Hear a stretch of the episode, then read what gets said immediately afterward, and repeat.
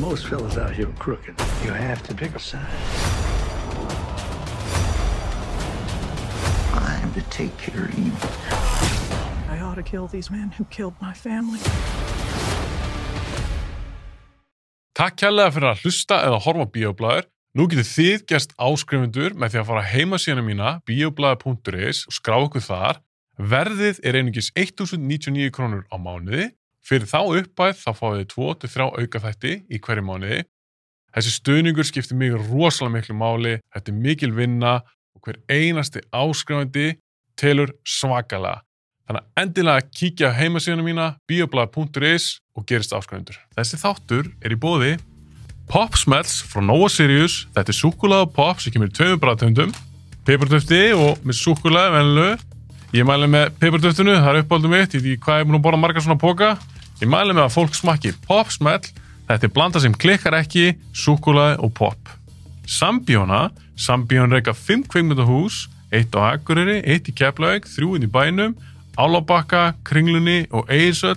Eirsöllin er uppáðs bíómitt. Mér finnst bara ekkert toppa sal 1 í sambjón með Eirsöll. Ég vil þakka þessum fyrirtækjum kærlega fyrir stuðningin. Án þeirra gæti ekki gert þetta podcast. Ég vil líka þakka ykkur og sjálfsögur fyrir að hlusta og horfa á bíóblæður. Endilega fylgi ég bíóblæður á Facebook, TikTok og Instagram.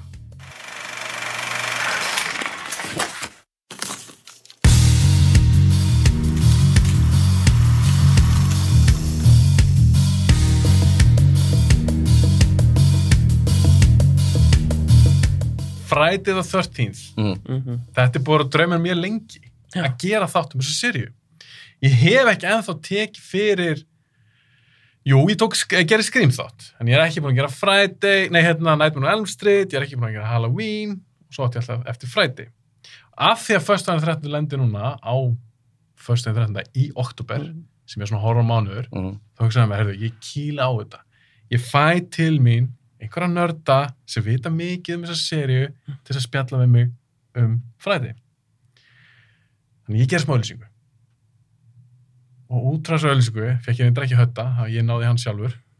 Hötti, þú ert að koma hérna inn sem veteran. En Jökull, þú ert nýr. Pétur, þú ert nýr. Jökull, þú sendið mér mail. Mhm. ég gerði þess að stuttu öllisingu og, og þú sagst það mikið ná að koma. Friday the 13th okkur, okkur óskopunum hefur áhuga að tala um fyrir hvað er það við hana? Sko, ég er bara mikill kvöld mynda aðdándi yfir höfuð, sérstaklega svona 80s kvöldmyndir, þú veist, þá er ég þar kannski Chopping Mall og hérna, Sleepaway Camp og svona, en Friday var svona, Friday the 13th voru svona fyrstu myndir sem ég svona byrjaði að horfa á þegar ég var nýbyrjaði að horfa á slassera. Það var einmitt, þú nefndi Scream, sko, það var einmitt út af Scream sem ég byrjaði að horfa á Friday the 13th. Já, út frá Scream, þú Já. hana sérst fyrst Já. þá byrjaði að tjekka á, á Friday-seríunni Já, ég sagt byrjaði, eh, Scream var svona mitt gateway drug að slashermyndum og, hérna, og ég byrjaði bara að leia allar myndina sem voru referensaðar í Scream og Friday the 13th var svona serían sem ég datt mest í. já ok, geggja maður Þú ert líka tónlistamæður, Mm -hmm. eða ekki rétt sem er Jú. fulli tónlist, fyndist hann sko oft með þessar horrormyndir og, og sérstaklega þessi Icons, Friday og eða Jason og Freddy var ekki tónlistamæður sem dyrkt á rockar og svona Já. Hvað er það? Ég, sko, Er það myrkrið í þessu myndum? ég held það, það er sko, já, alla rockarar og punkarar og svona, það er svona svona, kö- svona kvöldmyndir og kvöldtónlistamenn sem eru svona út fyrir normið, svolítið. Já. Ég held að það sé það sem að dregur svona rockara í áttina að Friday the 13th. Það getur verið, svo er það náttúrulega iconic gríma hérna. Já. Svo Páll Óskar reysa, Já. hann er reysa rillismyndað fann sko. Já, hann náttúrulega bara yfir, hann Bara- bara, elskar bara horror yfir punktur, bara. já. Já. Ég veit ekki hvort Já, að risa. já, ég veit ekki hvort að veit einhverju sérstök upp á þjónum, en hann náttúrulega bara dýrkar hryllismyndir. Já, Algjörlega. hann, hann nefnir alltaf splatter myndir, það er svona, Já, hans svona þeng. Já. Pétur, Mhm. þú ert líka nýr hérna hjá mér Já. og þú sendir mér Instagram, bara ég væri mikið til að koma á og sendir mér flott, flott skilabóða og ég ringdi þig eins og Já. ég ringdi Jökul, spjallaði þessu ykkur Akkurat. Og ég heyri það bara strax, bara shit, þessi hver verður að koma það er bara, þú átt Jason Grímuna sem er með hérna, erum með hann í- stúdíóinu. Þannig að það kom ekki annað grein en að fá þig. En þá ætti ég líka bara að spyrja þig eins og spyrja Jökul. Friday the 13th margir líta á þessu séri og hugsa með sér hvað, þetta er bara eitthvað drast mm Mhm. Akkur hafði þú áhuga að koma og tala um Friday hvað þýðir þessi séri fyrir þér? Já, þetta er mjög góð spurning, sko, ég hef auðvitað alltaf verið svona bíómynda ákvæma, bara síðan maður var badd, sko, Bara svona aðlega kveikmynda áhuga einmitt, einmitt, held að kviknaði þegar maður fór í bíó á, sko, Star Wars Phantom Menace, sko, það var svona upplunni þegar ég var sex ára gammal, sko, og hérna, fílaði alltaf þá myndi botnalega þá, sko, fannst Jar Jar geggjaði karakter og dreipitinn, já, og hérna, svo, sko, já, þegar maður eignaði svo Star Wars sem myndi á vídeospólu, sko, sem kom hann að, þá var svona aukefni á undan, svona og þá svona átt að maður sá því þegar maður var svona 6-7-8 ára að þetta væri þú veist eitthvað sem maður væri að gera. Þetta væri ekki bara eitthvað sem maður horfði á í sjónvarpinu sko eða í bíó. Og þá svona kveiknaði þessi áhuga á kvikmyndum og sem hefur bara varað síðan. Svo var það svona á úlingsárum þá fór ég að hafa svona mikið áhuga á hryllingsmyndum þegar maður var svona í mentaskóla og svona og, og, og ég fekk svona smá bara hryllingsmynda æði bara vildi horfa á allar hryllingsmyndir og, og þá náttúrulega er það þessi seria út af sko náttúrulega þessum einmitt iconic morðingja Jason Voorhees og, og grímunni sem að gera það að verkum að maður hugsa bara þetta verið að, að tjekka þessu. Og mér fannst það bara þegar ég var úlingur, ég myndi horfa allar sem myndi bara, þetta er alveg ótrúlega spennandi og skemmtilegar og svona eitthvað, en svo eins og ég var að segja ná undan aðeins sko, að það er, þegar maður er komin í dag sko, þá svona, horfum maður aftur á þetta og maður sér þetta er kannski ekki allt frábæra myndir en eiginlega alls, ekki sumar, en, en, en hafa samt svona ákveðin sjarma, sko, mann er ekki svona væntum ákveðina myndir en í, í seríunni. Já. þannig að það er gaman að mynda að fara aðeins og kafi í þetta og skeggra þessar myndir og Algjörlega, við erum að fara að henda okkur það. Höddi, nú kem ég að þér. Já. Við erum bara að þekkast lengi og þú er búin að koma núna nokkur sem í podcasti Mhm. Ég hafði samband við þig, þú varst ekkert að senda mér eitthvað Ég verð að fara með í fræti í þættinum. Að ég hugsaði að það væri gaman að fá því mig gruna að þú væri mögulega ekki búin að sjá það eða væri mjög langt síðan. Einmitt. þannig að þú varst í raun að horfa á þessa serju svolítið í fyrsta skipti. Já. og ég varst spenntur að heyra með þína hlið. Þá er ég, ég með tvo svona nörda sem þekkjana Mhm, mhm. seríuna heldur vel. Þú varst til í því hringdi ég ég var líka, ég veit ekki, ég var svona smá hausa ég höfðu ekkert að nennan frá að horfa okkur 12 myndir og ég meina að margir setja sér drasl og eitthvað þú varst til í þetta, Já. hvað er langaði þið bara að koma aftur í podcastið langaði bara að Já, hitta alltaf mig gaman- gaman að koma að hitta þig, sko. Já. af hverju sagði þú já þess sko, það er nefnilega, ég, ég hafði bara séð eitthvað tvær myndir, sko. Og það var það fyrsta myndin og, og Freddy vs. Jason, sko. Þá voru einu myndin sem það sé Já, svona og Jason X einhverja parta, sko. Þú veist, og hérna, og mér hafði alltaf langað til að horfa á einhvað af þessum myndum aftur. Bara og, líka tjekka bara á fleiri myndum, eins og, eins og verið að segja ykkur með Jason uh, Doss Manhattan hann eitthvað þannig, sko, sko, svona, sko, hérna, þú veist, mér varst það svo einkilulegt að hann var í Manhattan og ég, ég, ég, ég ætlaði að sjá þessa mynd, hvað er hann að gera hann, sko, svo, hérna, svo það var alltaf eitthvað smá intrigue með seríuna, sko, mér langaði alltaf að sjá þetta, sko, Mhm. en ég vissi alltaf svo sem að, þú veist, að kannski qualities var ekki droslega hátt eitthvað í, í gömlu myndunum, skilur, en veist, maður, ég er mikill eitiskall, sko, svo ég hef alveg gaman að, hef alveg gaman að svona myndu þó þessu low budget, svo, ef sagan er áhugaverð og, og eitthvað aksjón, sko, svo hérna, að ég, mér fannst þetta alveg svona tólmyndir hljómaði alveg frekar harkalegt, sko, en, þú veist, ég var svo til dæra nýbúin að segja fyrstu myndina, ekkert fyrir talengu síðan, svo ég, þú veist, svona 11 myndir, það var svona þólanlegt, sko. Og líka, Og ég það er- taka fram, þú hafði mánuð Já, og það eru nú nokkuð stuttar, það eru nú ekki, lang, þetta er ekki langa myndir, Það er þetta er ekki Það eru gott, 80 þetta er ekki mínútur. 11 gott það myndir, sko. nei, nei, nei, nei. svo hérna, ég, ég let það alveg slæta sko. ég hugsaði svona, já, ok, þetta er alveg svona- svo alltaf þegar kona mín sotnaði þegar maður horfði á mynd þá svona lett í einni svona um kvöldi, sko, eitthvað svona, skilur sotnaði í sófanum og svona hendi í einni fræti á, sko, og hún vaknaði bara við eitthvað slassar með hann, sko skilur svo það, ég, ég, náð, ég fann tíma til að bóta þeim inn, sko, svo hérna hafðu það- þið gaman að þessu sko, þá er það talað bara að Já, fara í ég, gegnum ég þessa hafði seríu. gaman að því að fara bara frá seríun alveg frá, fyrst, frá allan myndum með tvö og bara upp úr, sko. Það var alveg gaman að, að sjá bara líka bara þróunina, sko. Mhm. Það var alveg skemmtilegt, sko. Þú veist, og, og þú veist, og áhvert líka bara að sjá hvernig það voru gefnar út, hvað kom, þú veist, Mhm. marga myndir út á stuttum tíma, tíma. Það er mjög áhugavert, þú veist, og, og líka bara gæðin, skilur, þeir heldur gæðanum einhvern veginn, já, lélum í smá tíma, skilur, það var líka bara mjög metnaðvill sko. Og hérna, þú veist, og hérna, já bara mjög margt skemmtilegt sem var uppgötuð við að horfa á myndina sko, svo að hérna, mér leittist ekki við að horfa á þetta sko, það var ekki leiðilega myndir sko. Og hérna, þó að maður getur sett margt út af það sko, þá hérna, þá leittist mér ekki að horfa á það sko Þannig að það var ekki tíma svona. Nei, ég myndi ekki segja það. Það var bara mjög gaman og þetta er eitthvað sem bara, það var á svona bucket listanum að tjekka á þessum myndum, sko. Svo, það var bara Það er frábært líka svolítið skemmtilegt sko að, einmitt, ég er náttúrulega horfði á eina eða tværa sem myndir núna með sko kærustinni Já. og það er aldrei, hún er alltaf ekki að sé neitt að þessu sko Nei. og þá sá maður sko þessa myndi virka alveg smá ennþá sko, að það var alveg, henni var alveg að bregða á nokkur stöðum Já. og alveg undir lokinu fann að taka höndur á mér og eitthvað svona sko, þannig að En tókstu random myndi bara, var hún bara að horfa allt í nummer fjögur og hafði Já, ekki séð fyrstu þrjá? Já, einmitt, einmitt, tó, tók um nummer fjögur Já, var það fjögur sem hún Já. sá?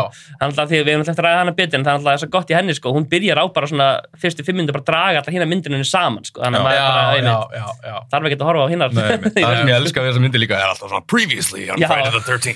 þetta Já. er mjög svona episodic sko, myndir. Einmitt. Ég tók alveg svona 2 og 3 back, back to back sko, mér sem ég fyndi að það var að sína frá 2 ég bara spólaði bara yfir sko. ég var klára, skilur, ég og veist bara, nei, ég ætla ekki að horfa þetta aftur sko, og en mér varst það mjög áhugavert sko, þetta væri alltaf svona eins og einn langur þáttur eða eitthvað, skilur, Já. svo var að vera að sína frá fyrir þætti eða eitthvað svolítið Ég er sérstaklega fyrstu fjórar. Já, Já, og ég held að virkja mynd alveg, sko, þú getur hort á veist bara einu og eina mynd, droppa við hvað sem er í seríunni, sko, Já. það er anna, það er ekki eins og, þú veist, þú þurfur að horfa frá 1 og upp í 12 þú ert ekki missa storyplotti eitthvað staðar Nei, nei, nei, Ég held að ég myndi- aldrei á æfi minni hort á myndina, myndina réttir Nei, nei, nei, nei, svo, náðu ég að klúra því, sko. Ég náðu að klúra þessu. Það, þeir, náttúrulega get ekki ákveðið sig hvort allar með sko, rómverska tölur eða vennilega tölur final tölur. Ég, var komin, ég fór þarna og orði fymtu fyrst, svo fjóruðu, svo Já. sjöttu og ég bara, ok, þú veist alveg, Hvað er í gangi? hvena endar það? Hvað er final? hérna, já, já, svo ég tók smá svona, smá, hérna, swing með það, sko. Mhm. Ég verð Frá, minni upplöfun Mm. að ég held lengi vel að ég hef verið búin að sjá að ég hef verið búin að sjá allar Mm. En svo komur ljós að ég var ekki búin að sjá allar myndar ég var alltaf búin að sjá fyrstu, ég var búin að sjá tvö ég var búin að sjá Jason X, Jason Goes to Hell alltaf rebooti, Freddy vs. Jason ég var búin að sjá uh, svona kannski ágættis parta af þessu og ég held ég var búin að sjá þrjú ég var ekki búin að sjá fjögur, fimm, sex, sjö og átta Mm. Þannig fyrir mig var þetta svo gaman. Ég var svolítið svona upplifan líka svolítið fyrst skipti og ég, ólið þér, þá tók ég hann í réttri röð. Mhm. Og mér varst ótrúlega gaman að fylgjast með svona hvernig það þróaðist og hvernig þeir reyna að haldi eitthvað svona continuity og eitthvað, þetta eru framhaldsmyndur þeim. En ég er augljóslega að spinna alltaf á stanum algjörlega, ég meina svo eins sem þetta er í hug sem er svona líkt, líkt þessu svona nú, nútíman það er alveg svo mynd það sem að koma út einu á ári og þeir eru alltaf að reyna bara, ok, þessi mynd endaði svona og þá þurfum við að byrja þessa svona og gera þetta svona. Ég er lúmst gaman að því. Kveikmyndagerðar menni Já, Jason endaði þarna með, fekk action í hausinn, ok, hvað gerum við núna? einmitt. Sjá svona hvernig þið spinnist út úr því. Og ég horfði líka samlega myndan, þá horfði ég á uh, Crystal Lake Memories sem er unni tæplega sjö klukkutíma heimildamynd sem kom út fyrir tíu árum Já. um alla seríuna. Og þá var það svo gæða fyrir mig að horfa á þetta svona í pörtum taka svona myndinir eftir röð og horfa líka á heimildamyndina og fá svona meiri dýft í þetta. Mér fannst þetta þræl skemmtilegt þrátt fyrir misgóðar myndir, það var mjög, bara mjög skemmtilegt og vel hefna svona vel hefnuð upplöfun en við skulum kannski reyna líka, strákar uh, fyrir fólk sem hefur ekki séð allar þessar myndir. Ég er bara nokkuð sem það að þeir sem eru að hlusta og þannig að þetta að horfa á hann eru ekki búin að sjá 12 fræðið þörst myndir. Ég einhvern veginn held það. Ég meina ef ég er mikill svona movie nöttari ég var ekki búin að sjá allar, höndar ekki búin að sjá allar og ég er með svo horror gæi þannig að ég held ég alveg svona að margir sem ekki búin að sjá allar þannig að við skulum reyna sem við getum ég sá þetta fyrir mig, við skulum reyna sem við getum að hafa henni þátt svolítið aðgengilega Mm. það sem ég meina við því er við, erum auðvitað að fara að taka réttir röð og við skulum reyna að fara eins og við getum í gegnum bara ok, þetta sem gerist nokkuð til fyrstu myndinni svo þetta sem gerist í tvö og svo Mhm. þar, þar fram til göttum og auðvitað getum við líka sett inn eitthvað svona behind the scenes, trivia og svona Mhm. einhvers sem komið ljós í þessa heimildmynd sem mjög, mjög áhugavert Mhm. Þannig er ekki til í það, við reynum að hjálpa fólki sem ekki múið að sjá þessar myndir Já. Algjörlega. að hafa gaman að þessum. Og ef þið hafið ekki séð þessa myndir, spoiler alert. Við erum að spoila öllum, þetta verður vonandi tökum við núna fyrstu sex myndunar og svo setni sex í setjum þetta Mhm. förum bara að kýla á þetta strákar. Hendum okkur í fyrstu myndina. Ég bjóti smá grafík hérna eins og ég nefndi hérna áður. Uh, við byrjum að taka upp tók einhverja stilu úr myndunum Mhm. hendin upp á, hérna, upp á skjáin og ég með plakatur í hverja einustu mynd. Við erum einmitt með í stúdíónu við erum með Jason Voorhees grímuna við erum með svona 3D póster fyrir Friday the 13 fyrstu myndina sem ég á. Er fyrsta myndin góð? Jökull, Mér finnst það, já. góð mynd. Mér, já, þetta er, það er svo fyndið með þessa mynd, já, fyrir budgeti sem við vorum með, þú veist, það, þetta var hvað, 500.000 dólarar sem að, Já, eitthvað svo, þetta myndi senda mér svona Já, budget 550 lista. dólarar. Já. Já. og sko, Sean S. Cunningham sagði í viðtali bara, bara straight up, ég vildi gera mynd og bara, bara herma eftir Halloween. Já, einmitt. Hann bara sá Halloween og sagði, ég get gert þetta. Hann er alltaf viðkjönd það. Já. Það er bara mjög aðtilsvægt að hann er ekki leikstur eins og John Carpenter eða. Wes Craven eða eitthvað, hann er ekki einhver svona listamæður með eitthvað sín sem hann vildi koma framfæri. Hann er bara maður sem vildi í rauninni græða og var búin að prófa alls konar myndir það er þetta skemmtilegt að viðtölu við hann og svona að segja frá því hann var búin að prófa að gera eitthvað hafnaboltamynd, fjölskyldumynd sem ekki held að myndi slá í gegn sko, sem enginn sá og Var hann ekki eitthvað í er eitthvað Jú, hann gerði eitthvað softcore. sko, og svo var hann, hann líka svo var hann líka með Wes Craven í að gera Last House on the Left Einmitt, það gerði, þau gerði það, að hann framleiti hann held ég og eitthvað svona. En, en svo einmitt er þetta náttúrulega svo augljós herming eins og segir sko, þetta er náttúrulega bara eins og Halloween með svona dag, alveg Friday the 13th og hann hafði þetta koncept einhvern veginn, bara titilinn og, og, hérna, og fær svo hérna, Viktor Miller til að skrifa handrit fyrir sig Hann var búin að gera plaggati og titilinn áður en að koma handrið. einmitt, einmitt Sem veist ógeðslega gott. Þá, veistu þú það þetta? Nei, Það var bara tilbúið á þennan handið var tilbúið. það ógst að fyndið. Hann var það bara að hann, selja hann þetta. fekk Ár- fjármagn út af það sko, Já, það bara var ekki síndi komið blakk neitt til flott bara eða þetta myndin Já. og mér er svo gaman að bera, bera þetta saman við til dæmis, hérna, ég held að ég hef sagt þetta í símanum, hérna, Halloween og Friday the 13th eru svona eins og Ramones vs. Sex Pistols og það er alltaf verið að, það er alltaf verið að tala um svona hver hend eftir hverjum Mhm. og það var einmitt, já, hann hend eftir Halloween og svo þeir gera Halloween 2 og svo við viljum gera mynd eins og the 13th. Já. En það var einmitt það sem að skjóta inn og það maður, maður fann alveg fyrir svona væpi Mm. mm. mitt úr myndunum úr Halloween sko. Það ég er alveg ágættur Halloween maður, ég kannski ekki sé allar, eh, ekki mjög, en ég er mjög hrifin af karakterinu Michael Myers sko. mm. og hérna, veist, og hérna, maður sér alveg svona, finnur alveg fyrir influensum frá henni Mhm. bara, bara í fyrstu myndinni sko líka Já, það er svona bara allt þetta creeping, allt þetta svona, allt svona point of view frá morðingjanum skilur og allt svoleiðis og þú veist, svo að það er gaman að sjá svona tvær svona kanónu myndir sem greinlega hafa mikil áhrif á hvort annað, þú veist, og Og þetta er svona tvær svona iconic serjur. já, og Iconics er greinlega álíka miklu slasser tíma í bandaríkjunum, þú veist, alveg svona sem er alveg ákvæmlega, þessar tvær myndir náttúrulega er rauninni búa til þetta slasher Já, sonja sko. Þess, það er enna það er oft deilt um svona hvaða mynd byrjaða sko, þú veist, og stundum er reynda að finna ykkur ennþá eldri myndir, náttúrulega oft talað um að Psycho hafi verið eitthvað svona og Black Christmas og Texas Chainsaw eitthvað svona myndir sko, en, en það er alveg sko, Halloween kannski er svona fyrsta myndir sem gerir þetta en svo er Friday the 13 sem svona einhvern veginn innsiklar þetta sem Já. svona uh, tegunda kvikmyndum Svona- Slasher- Slasher genre. Já, Já, og allar, og allar svo umræður um hvernig á að lifa slassimynda, svona reglurnar, þú veist, ekki drekka, ekki reyka gras, ekki stunda svona. Já, einmitt, Ég einmitt. held að það, þú veist, þegar það er að tala um það, þá er yfirleitt verið að referensa Friday the 13th myndir. maður hugsa líka um sko eins og Argento myndirnar skilur Mhm. Og þú veist síðan allar þessar listrænu skrimslamyndir sem alltaf var svona vampýrur og allt eitthvað svona þú veist alltaf svona blóð og smá brjóst og eitthvað svona skilur allt eitthvað svona það var eitthvað svona sjannra bíómyndum Mhm. sem einhvern veginn sko náðu einhverju fótfestu fyrir einhverju svona mjög svona speshópa fólki. Svo þetta er eitthvað svona rökrætt að næsta skref bara í hrylling skilur þú veist að sé aðeins meiri svona ekki eitthvað svona þessi fantasíu heimur á hrylling heldur svona hryllingur skilur sem er alveg bara next door skilur hryllingur þú veist að eitthvað sem geti bara komið fyrir Og kannski meðað líka á úlningahópin. já, Já, þetta startaði náttúrulega líka bara sprengingu af Já.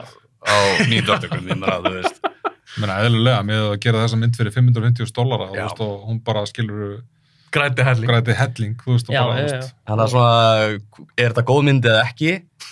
Miða við allt þetta sem við vorum að tala um núna. Já, Já, mér finnst þetta vera smá svona lightningin að barleiknu, takkið þið undir það, Pétur og Hætti? já ég, ég er mjög hrifin af fyrstu myndinu og ég, mér finnst hún, hún er mjög góð og bara, mér finnst einmitt sko, leikarðin í fyrstu myndinu eru furðulega góði, sko. já. Sammála. Mér, mér finnst bara leikurinn í fyrstu myndinu alveg svona áberendi bara góðu leikur og bara sagan er svolítið, þú veist, það er góð, góðu taktur í myndinni, þú veist, hún byrja bara þá þeir leifa myndirinn bara að verða þau, veist, þau eru bara að koma sér fyrir í, í sögumbúðunum og svo leiðis, fyrsta morðið er ekki að koma strax á fyrstu það nei. er alveg að fara að kynast aðeins fólkinu og svona, þetta alveg svona, þú veist, smá stemningunni í sögumbúðunum og svo leiðis, sko, svo að mér fannst alveg mér fannst þessi mynd bara ótrúlega vel gerð. Bara mm. með, þú veist, með að þetta væri frætið 13, skilur fyrsta myndin, sko. Já. Já, mér er svolítið gott svo að segja líka með þetta sko lightningin að bottom sko, að það er svona mörg aðrina sem ganga upp. Og, og þú veist það er hérna þessi flotti titill sem að er klálega alveg kjarni í því líka hvað þetta var svona vinsælt. Er, sko, Grípur. já, þú veist, ég heyrði hann reynda fyrst bara á íslensku, sko, það var sagt í mjög tíma, sko, þannig að þetta var hræðilega mynd hérna, föstu dagur er 13. Ekki alveg af cool. ekki alveg cool, en samt svona, samt alveg greipna maður bara, föstu dagur er 13, maður er að pæla í því. En hérna, en svo er það náttúrulega þetta einmitt að, þú veist, að þú ert með þetta konsept og þetta svona smá fram, svona einmitt svona líkt Halloween, en svo eru svona tvent allan í viðbútt sem ég myndi segja að eru líkil atrið í því að þessar myndir eru svona vinslega og þessi mynd slæri gegn og það er sko annars vegar þú ert með þessa tón, tónlistastef þetta er Harry já. Manfredini sem alveg Já. bara er mjög flott og svona eitt bara flottast svona hryllingsmyndastef og svo er það svo góða ákvörðun hjá Sean S. Cunningham sem hann fattar hana að það er að fá sko Tom Savini til fyrir Já, ég ég er sammála. ég er ekki viss um að þessi mynd hefði, sko, ég held að hann sé alveg líkil maður þessu Það, er FX-skurinn. Og hann er bara hefur sagt frá því í leikstunum að hann sett sá bara Dawn of the Dead Já. og, hann fannst það svo flottar brellur, hann var bara, ég ætla að fá þennan náunga og hann var rauninni bara, ok, ég ætla að fá hennar Viktor Milleran til að skrifa handrit og hann kemur svona smá svona Agatha Christ Kristi feeling líka í þetta sko og svona, einmitt, einmitt. og, hérna, og svo bara er ég með þessa tónlist hana og svo bara fæ ég og þá bara getur þetta ekki klikað. Þetta hérna, borgar íbúðuna þetta var svona það var líka alveg, öll morðin í myndinni eru frekar eftirminnileg. Mm. Þú veist, það er búið að hugsa út í hvert einasta morð í myndinni. Þetta er ekki bara eitthvað hakan slas búið. Það er alltaf eitthvað aðeins smá uník við hvert morð, Já. skilur við. Já, það Það er svo kemur baconir. Já. Já. Það það er, það er einmitt Tom Savini, hann var svo obsessed með að gera þetta eins realistic og hægt var, sko, þú veist, hann var, hann var í Vietnam, Já, hann var ljósmyndari í Vietnam, hafði séð alls konar dót, sko, Mm, ok. og, hann svona beisaði upplifum sinni í Vietnam á, á effektorlu sem hann gerði. Já. Þannig að hann reyndi með þessu sem hann gerði að gera þetta svona raunverulegt og bara svona örin hann í gegnum hálsuna kemur bacon. Ég verði að segja að það fyrir mittleiti, mér finnst hún góð. Já. Bara ég tek undir að ég bara það að tala um þetta, bara auðvitað low budget mynd, minnst hún ennþá skemmtileg, ég menna maður að horfa á hana núna 2023, ég menna hún er frá 1980 sem mynd. Mér finnst þokkalegsta leikur í henni Já. og það Já. gefur mér rosa mikið, nú er alveg hardcore spoiler, við erum að spoila allum þessum myndum. Það er erfitt að spoila en kannski, nema kannski fyrstu. Ég fílaði þetta, var mamma. Já. já, já, já.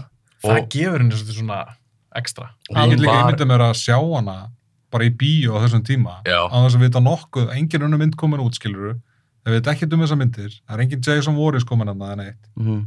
þetta er svo geggja twist Það er líka þetta, þetta tegst milli hérna Friday the 13th og Psycho, þú veist, Já. saga um mömmu og strákin, Já. veist, og nema þú veist, það er, það er öfugt í þessari mynd, veist, í þetta skipti er það mamma sem er morðingin og Jésús, hún var svo góð. Gæk, Þessi leikari hana. það er náttúrulega líka einmitt, þeir alveg enda hann að fá þessa frábæra leikunu, sko, Mhm. Betsy Palmer. Þannig, að- og, og, og ég man bara eftir þeim þegar hún byrti sko, á skjánum og maður er bara, er þetta mamma? maður var svona hissa á sig sko. og, sko. og maður var líka, maður fannst þetta svo sko, óþægt, hann hafði eitthvað svo óþægilega nervur Já, þetta var bæði já, svo indislega og næs koni eitthvað kemur að hjálpa henni eitthvað og maður er bara svona, já, hún er að, að hjálpa og eitthvað. en svo bara finnum maður samt bara, það er samt eitthvað off Já, já. það er eitthvað ekki alveg lægi Það er svo subtle hvernig hún gerir það. Já, það er svona bara smám saman ferðu að tengja, sko ég vissi nú þegar að mamma var morðingin, út af skrým.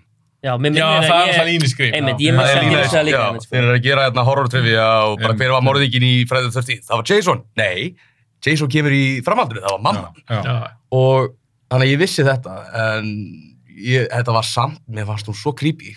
Mm. Já, Hún er drullu mér- góð, sko. Mér varst einmitt sko þegar hún var svona róleg hún var Mhm. svona góð og svo var hún reið þetta er svo gott, þetta, er svo, þetta er svo mikil stig sko í hvernig hún verður sko Það svona hvað er ekki alltaf, svo verður hún brjáluð sko. Það er svo, er ægilega svona, maður var bara fuck út af því að þarna skilur þegar ég maður þegar ég var bara úrlingur ég sá þess að mynd fyrst eða eitthvað, maður var ekkert vannar að sjá okkur eldri konur og eitthvað slasser sko. Svona, skilur, svo, hérna, ég man að þú sat alveg í manni þessi mynd þegar maður sá hana fyrst sko. Svona, hugsaði mikið um hana sko. Og það svo fyndið að því að hún, hún var, hún var nú þegar alveg þekkt leikuna og svona, en var mikið bara í leikritum frekar en bíómyndum, sko.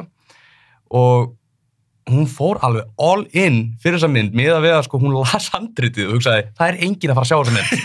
hún gerði þessa, hún sagði já við þessari mynd út að hann vantaði nýjan bíl. Mm, já, já, þetta er bara þetta er, 27 stólar fyrir nýjum bara Subaru henni. Já. þetta er bara svona fagmaðar að störfum sko, við gerum þetta svona en, en það er einmitt líka, hennar fræða sól var sest í rauninni, sko, Já. og hún einmitt bjóst ekkert í að þetta er í myndir sem að flestir minnast hennar fyrir, sko, þess. Og hún fekk alveg bara fekk bara morðhótanir frá svona helstu aðdáðandum hennar fyrir að vera í svona mynd, þú veist. Emmitt. Já. Já, þeir eru ekki sátti við það. Hún, Mm. mm. hvað dyrfist hún að leiki í ykkur drastli, ykkur Já. horfumund. einmitt. og það er endalega stort sem við þurfum að ræða svona um seríuna almennt sko. að það er auðvitað, hún, þessi sería hafði svona þann stimpil en þess að þó myndin hafi verið gerð svona independently sko, að þá áður en hún er sko, þú veist, hún hefði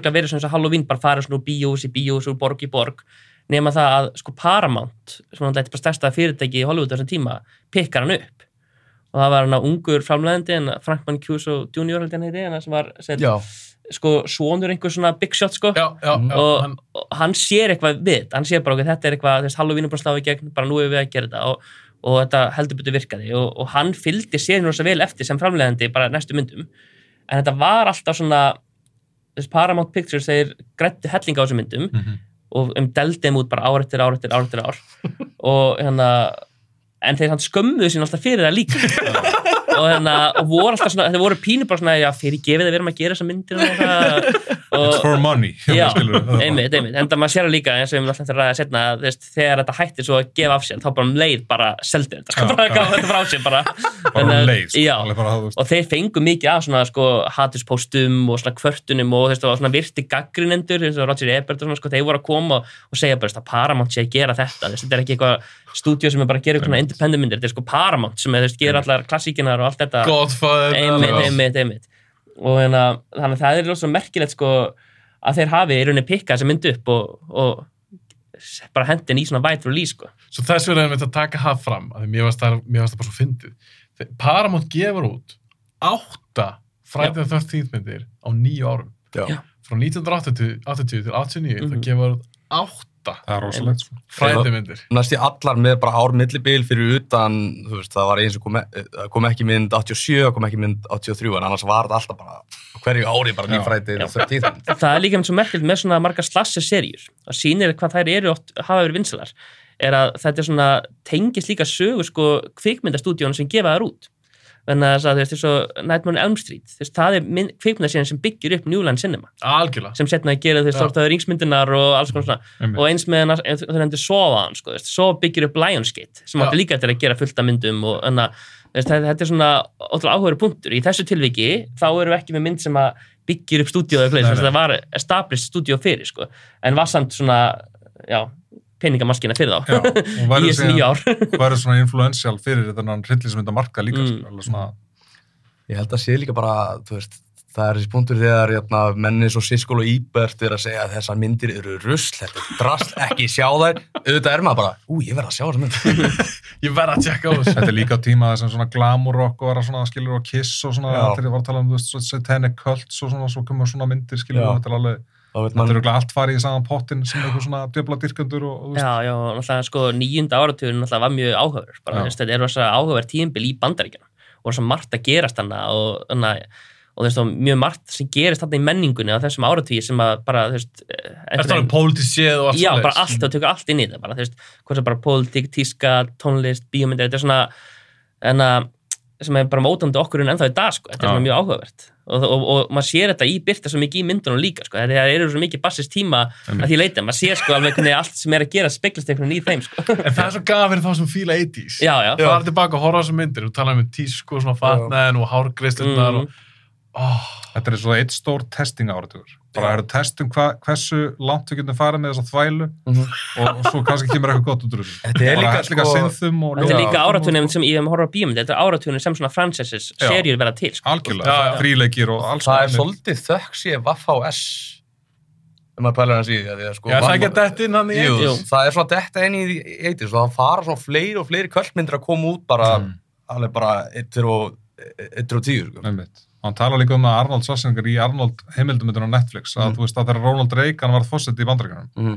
þá fór hann að tala svo mikið um hvað bandaríkjunum eru frábær og mikið ofveldi og allt skilur hvað er miklu betur en rússar og, og þessi kraftur fór eitthvað veginn út bara í popkultúrin sko. Mm. Og allt í eru úlingar gett mikið svona að myndu var að fara að sjá aksjónmyndir þá bara skapaðist bara nýr heimur fyrir Aldur Schwarzenegger. Mm. og það hefur haft áhrif á þetta líka skilur. fólk hefur bara vilja að fá meira skilur. Já. meira það var bara svona neyslu áratugur að þau voru með endalega svona aðgang þau þurfti ekki að býða náttúrulega þetta fyrir sjónvarpi eða fara í bíó, þau gæti bara fara og lekti þetta sko, og þau gæti bara átt þessar myndir eða farið í eitthvað slömm bíó sem var að sína eitthvað svona budget slassermyndir eða hryllismyndir eða eitthvað skilur, mm. Mhm. það farið að síða til stórum bíóhúsum og þú veist og, og svo leiði sko. En, en- en nú er ég að spyrja ykkur bara, því ég glemt að ykkur nú strax í byrjun sem tala um. Um hvað er? Já. Fyrir fólk sem er kannski ekki séð þetta, um hvað er Friday the 13th fyrstmyndin í stuttumáli? Þetta er hefndarsaga. Þetta er hérna, fjallar náttúrulega um dreng sem að druknaði í sumarbúðum árið 1957 af því að hérna, staffið var ekki að fylgjast með. Og svo bara spólum við, spólum við áfram 1979 og þá eru þeir að endur opna sumarbúðunar. Camp Crystal Lake. Já. Búin að vera lok, vera lokuð í hvað, 20 árið eða eitthvað sluðis. Og hérna, vegna þess að voru hann að morðu líka sko. það Já. er alltaf það var Já. ekki bara að hann druknaði drengurinn, heldur svo Já, koma árið tvö- setna, já, þá náttúrulega, það myndi byrja auðvitað þar. já, byrjar Við að sjáum, sko. sjáum ekki hver er að drepa, Nei, nei. það er verið að drepa eitthvað svona staff. Mhm, Einmitt, árið ári eftir að strákunum drukna, sem, sem, sem drukna er auðvitað Jason Voorhees. mhm. Já, já, og sem er satt, einmitt, það var ekkert bákuð þarna er ykkur karakter sko. Þetta er svona, en já, en svo er það komið einmitt að byggja upp þessu sjöndbúr aftur og taka til starfa og, og þá, og þegar þau mæta á staðina þá er svona verið að gefa í skina að þetta sé þú veist, þeir hitt hana fólk í bænum eins og hana Crazy Ralph eða eitthvað neitt sem að þeir segir. You're doomed. já, it's a death curse. It's got a death, can't be blood allt þetta sko. Og svo byrjar það einmitt bara hérna, fólk að deyja. Já, já. og já, Og myndin snýst náttúrulega um það að við fáum ekki sjá hvað máningin er, eins og komst einmitt inn á aðan, jökull, að það er, þetta er mammans. og þá er hún bara ein eftir þú sem er hérna, sem er aðalpersonan lengst til hægri, fyrir áhörundur Hún er svona the final girl Já. í þessari, í Mhm. þessari mynd. Adrian King Adrian King, jú. já, og Hvað hétt þetta karakterina? Alice. Alice. Já, Alice eitthvað. Já, Alice. einmitt Who the fuck is Alice? Hún endar þessa mynd að því að, taka hausin af mömmunni. mm, hálfsegur hana En mér langar að koma inn á eitt núna sem að enginni síðan alla seríuna sem ég finnst svo, svo mikil skandal. Og það er þetta kveikmynd eftirlit bandaríkjana. Þetta MPAA. Þeir náttúrulega bara stúti þessa seríu. algjörlega, algjörlega. og að heyra fólkið bak við tjöldin að- að- þessa make-up effects gauðra sem voru að vinna þessa myndir þeir settu svo mikið púður í mm, er þessari mynd, tvö, að bara allir seríunni bara settu svo mikið púður í að gera eitthvað cool og þarna fyrir sverði sveðjan í gegn og þarna er eitthvað ör og þarna er svona og svona og svona og þarna missir þessu haus og, og þeir senda myndin inn til kveikmynd eftirlistins og þeir bara nefn það þarf að taka ram út þarna, þarna, þarna klippa þetta og maður sér það þegar maður horfður á þessar myndir að það er búið að eiga rosa mikið við þær sérstaklega setni myndina sko. Já. þetta er hana að því hann að þetta MPAA, þeir ákveða að gera þessa seríu svolítið að svona uh, þeir tóku hann svolítið bara fyrir til að setja fordæmi sko. að því þess að voru allar þessar 80 slassimyndir að koma upp og, svona, og þetta var náttúrulega stærsta serían Mm. og var, flestu voru að sjá þessa myndir þannig að þau ákveðu bara veist, ég held að fyrsta myndin hann bara svolítið sloppið í gegn sko. Veist, ég held að það sé ekki mikið þar en það sem að Nei, hún er kemur skást út úr þessu Já, en svo sko faraði rosa og einmitt og í eins og þú maður horfður á sko 6 og 7 þú veist, þá er bara, veist, er það rosa lítið sko, það er bara valla blóðdrópar í þeim myndum sko, með við, þó hún hafi verið arreituð allt þá tók Já. hann Já. svona Já. En þú sérð í rauninni ekki morðin, það er bara er alltaf kötta rétt áður en sveðan hittir, þú veist, eins og í nummer 7. já, já, En það er- Hræðilegt en svo, og svo náttúrulega líka sko, veist, þeir, með þetta stóra fyrirtækja bakvið sér Paramount, þá hefðu þeir einmitt kannski geta tekið fleiri sko slægi en þá kemur bæða þetta hvað Paramount einhvern veginn skammaði sér fyrir þessa seríu. Og svo líka, þeir voru bara að drífa svolítið að koma nýri mynd út, bara nýmynd, nýmynd, nýmynd, þannig að þeir voru ekki á samt tímapressu. Þeir voru ekki til í að fara kannski í ykkur að þryggja mánuða sko, réttabáratu um að halda ykkur í skoti inni sko. En Þeir vildi bara koma myndin út. pælið samt í þessu, ég var svo pyrrar því ég, eins og nefndan, ég horfði myndin þar svo heimildmyndina og þá alltaf fekk ég að vita meira um behind the scenes svona, baku tjöldin, sögurnar og ég hugsaði mér því ég var að horfa þær og hugsaði, vá, ég, mér myndi þær að vera ógisleri Mhm. meira gór og svona og ég var svona pínu pyrrar, ah, þeir hafa eitthvað gugna á þessu, hvað er alltaf að klippa frá þessu svo alltaf kemur bara ljós þeir gerðu fullt af cool effektum Mm. sem bara, þeir máttu bara ekki sína já, já. og ég sé þetta svo fyrir mér einhver gamall kall er einhverju skrifstofu og segir bara nei, einhver 60 uppáhaldsmyndina svo pluss Gone with the Wind. Já. Hann þú veist, og hann dirfast að vera, þetta er náttúrulega ekkert annað rít sko Einmitt. og, og, og frekja neði, nei, nei, nei, þegar maður fekk að sjá í heimildmyndinni bara skot af uh, bara svona punktum sem Mhm. fá frá MPAA bara þetta er á mikið, þetta er á mikið að klippa þarna, mínútu 39 og þarna Kom aldrei út svona R-rated, svo veist, eitthvað extended versionar af Jú, það er til Director's Cut Já. uh, Af öllum? uh. Allavega fyrstu myndinni, það Já. er til Já, af fyrstu. en ekki held ég af hinum. Nei. mér minnið takja Nei, fram í heimildumyndin, það það er er til bara hana- til. endurgerðin sko, hún var það var til hann að killer cut að henni sko. Killer Cut og svo það, er, er ekki til einhver útgáfa af part 7 ég bara, ég held, að ég að ég myndi ekki síðan það sko, sé aðeins meira brútal útgáfa ég heyrði að hún sé einhversta til. Gæti verið sko. Þetta tölu ekki um það ég ætla í Nei. En langa hendur svona út að þetta fyrir töðunar á mér og Þetta þetta er er bara- svona eitthvað gæi sem er ekkert með puttan á ja, púlsunum þetta er svona nefnd sko, þetta Já. nok nokkra manneskjur og það er alltaf gamlar og já, þetta hefur Þetta- verið þetta eitthvað er einhverju Þetta er hérna- Kristin, Kristin nefnda leðilegast Já. að ekki bandaríkjana. þetta er- þetta eru allt einhverju Karl Fuskar bara eitthvað og það eru allir vænkona. 60 pluss Já. já, og er að horfa á okkur hryllismynd sem, er- sem er fyrir átjónara Sjá bara brjóst og rassa og blóð og hnífa, skilur bara brjálaðir, þú veist, að þetta. já bara, ó, þetta fór sér töðunar í horfa myndar ok, nú er ég búin að koma svo frá mér. Ég ætla að vera núna í góðu skapi. Ok, þetta er fyrsta myndin. Við bara svo við náum svo þokkunum tíma. Við fara ekki um 12 myndir. Og þetta munum við ræða þetta alla seríuna. En Mm. er eitthvað annað sem við nefna sérstaklega við fyrstu myndina, Kevin Bacon er, auðvitað í henni. Mm, og hann áður kannski samveit með og Johnny Depp í Nightmare Ah, fyrstu. Að það er alltaf gert náttúrulega stórstjörnur urðu síðan Er þetta hennar Mjög myndunum frægir. hans? Er hann er hann búin að leggja ykkur Ég stóru öðru held þarna? að þetta sé fyrsta myndin það er er svona myndin sem að Já. hún kemur eftir þetta sko Já. þannig að ég myndi, já. já, þá verður hann bara þá var hann Já, rísa risa. stjarnan ég held að þetta hafi verið fyrsta myndin hans ég mannaði ekki alveg Gaman að að Já. hvað honum fyrstum að hafa verið í þessa mynd. Hann hann, að Já. hún var referensað í hérna, Guardians of the Galaxy jóla special já, því að Bacon alltaf er það Já. Þú veist það sem hann er að leika sjálf á sig og hann nefnir einmitt Friday the 13th en ég, mér skilst að hann hafa alveg húma fyrir þessari mynd sko. já, ég held að hann skammi sín ekkert Nei. og til hvers, þetta er iconic serið Já, uh, sko, ég held að ég myndi segja að Kevin Bacon sé svo eini sem hefur verið í bara, þú veist, af 12 myndum hafi verið svo eini sem varð eins mikið stjarn á hann er já, svona Já, þegar þú lítur að en alltaf svo er sko, hana, Corey Feldman alltaf er í Já. já, fjögur sko já, Hann já, bara Hann alltaf 10 væri- ára eða eitthvað. já, hann alltaf Mhm. var í Goonies og Já. eitthvað svona Lost Boys og hann alltaf hann í fjögur líka hann að Crispin Glover, eitthvað það ekki Hann Jú, jú. alltaf- jú, Já, já, já. Einmitt. auðvitað, Crispin er alltaf í fjórðumyndinni Já. alveg Það með þess mjög töff hérna líka í fyrstu myndinni. Þannig að hann sitja svolítið tónin. Já. Og þegar það, hann að Já. í svolítið svona, þá er ég að tala um skilur bara eins og myndatökutin í skójunum skilur með reykvélunum skilur og bara tónlistinn og þú veist, Mm. point of view tökurnar og svona skilur þeir ná að, veist, það eru svona eru svona uppskriftan sem þeir ná að svona einhvern veginn að halda áfram alveg í næstu fjórum, fimm myndum sko, alveg svona, Já. gera það vel sko en það gera alveg sérstaklega vel þarna sko alveg ná að búa til svona rosa atmosfér í myndinni sko En svo þetta mitt, eins og við talum um, þetta er mamman sem er að drepa þessa úlinga, þetta Mm. unga fólk hana, starfsmennina. Endur að því að Alice tekur hausin af henni og svo kemur henni náttúrulega svona eitt örgulega frægast aðrið úr myndinni og mér myndi alltaf að hún endi þar, en hún endar ekki alveg þar. Já. Það verðum að tala um það. Já. Hún auðvitað, er hann á bátnum Mhm. og er bara alveg uppgefin eftir hann að barda svo kemur svo löggan bara á bakkan og bara, hei, við erum komin, þetta er þetta cool aðrið, því að Mhm. mjög cool ég sem áhórandi hugsa, já, hei, ok, löggan er komin, Veistu, hún er safe núna, mm. -hmm. þeir eru bara á bakkanum, það er bara nokkri metrar í lögguna, en þá kemur upp á vatninu, afmyndaður, Mhm. ungur strákur og grípur í Alice. Mhm. Mér myndi alltaf myndin að enda þar, mm. en svo fáum við alltaf að sjá að, að það var eins og það var eitthvað draumur eða eitthvað, hún Já. kom á okkur spítala Mhm. og hún spyr, en með strákin, þú veist, hvað með hann? Já, við fundum engan strák.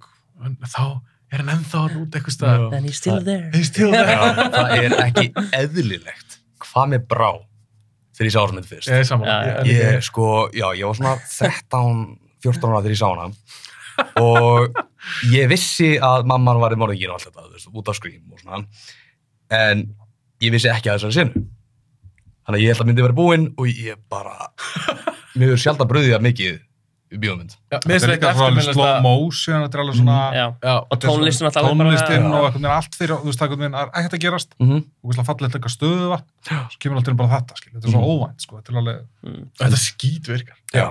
Já, um já. tónlistina og svo er alltaf fyrir ekki skittinni bara þetta er reyna að leika þetta svo eftir í hinu myndunum að vera með svona loka atrið sem Já, já, er svona já. svipað, en já, fyrir og líka oft reference í, þú veist, að hann Já. alltaf hann að koma að grípa Já, já, eitthvað með svona, já. það það er svo references oft í myndunum sko.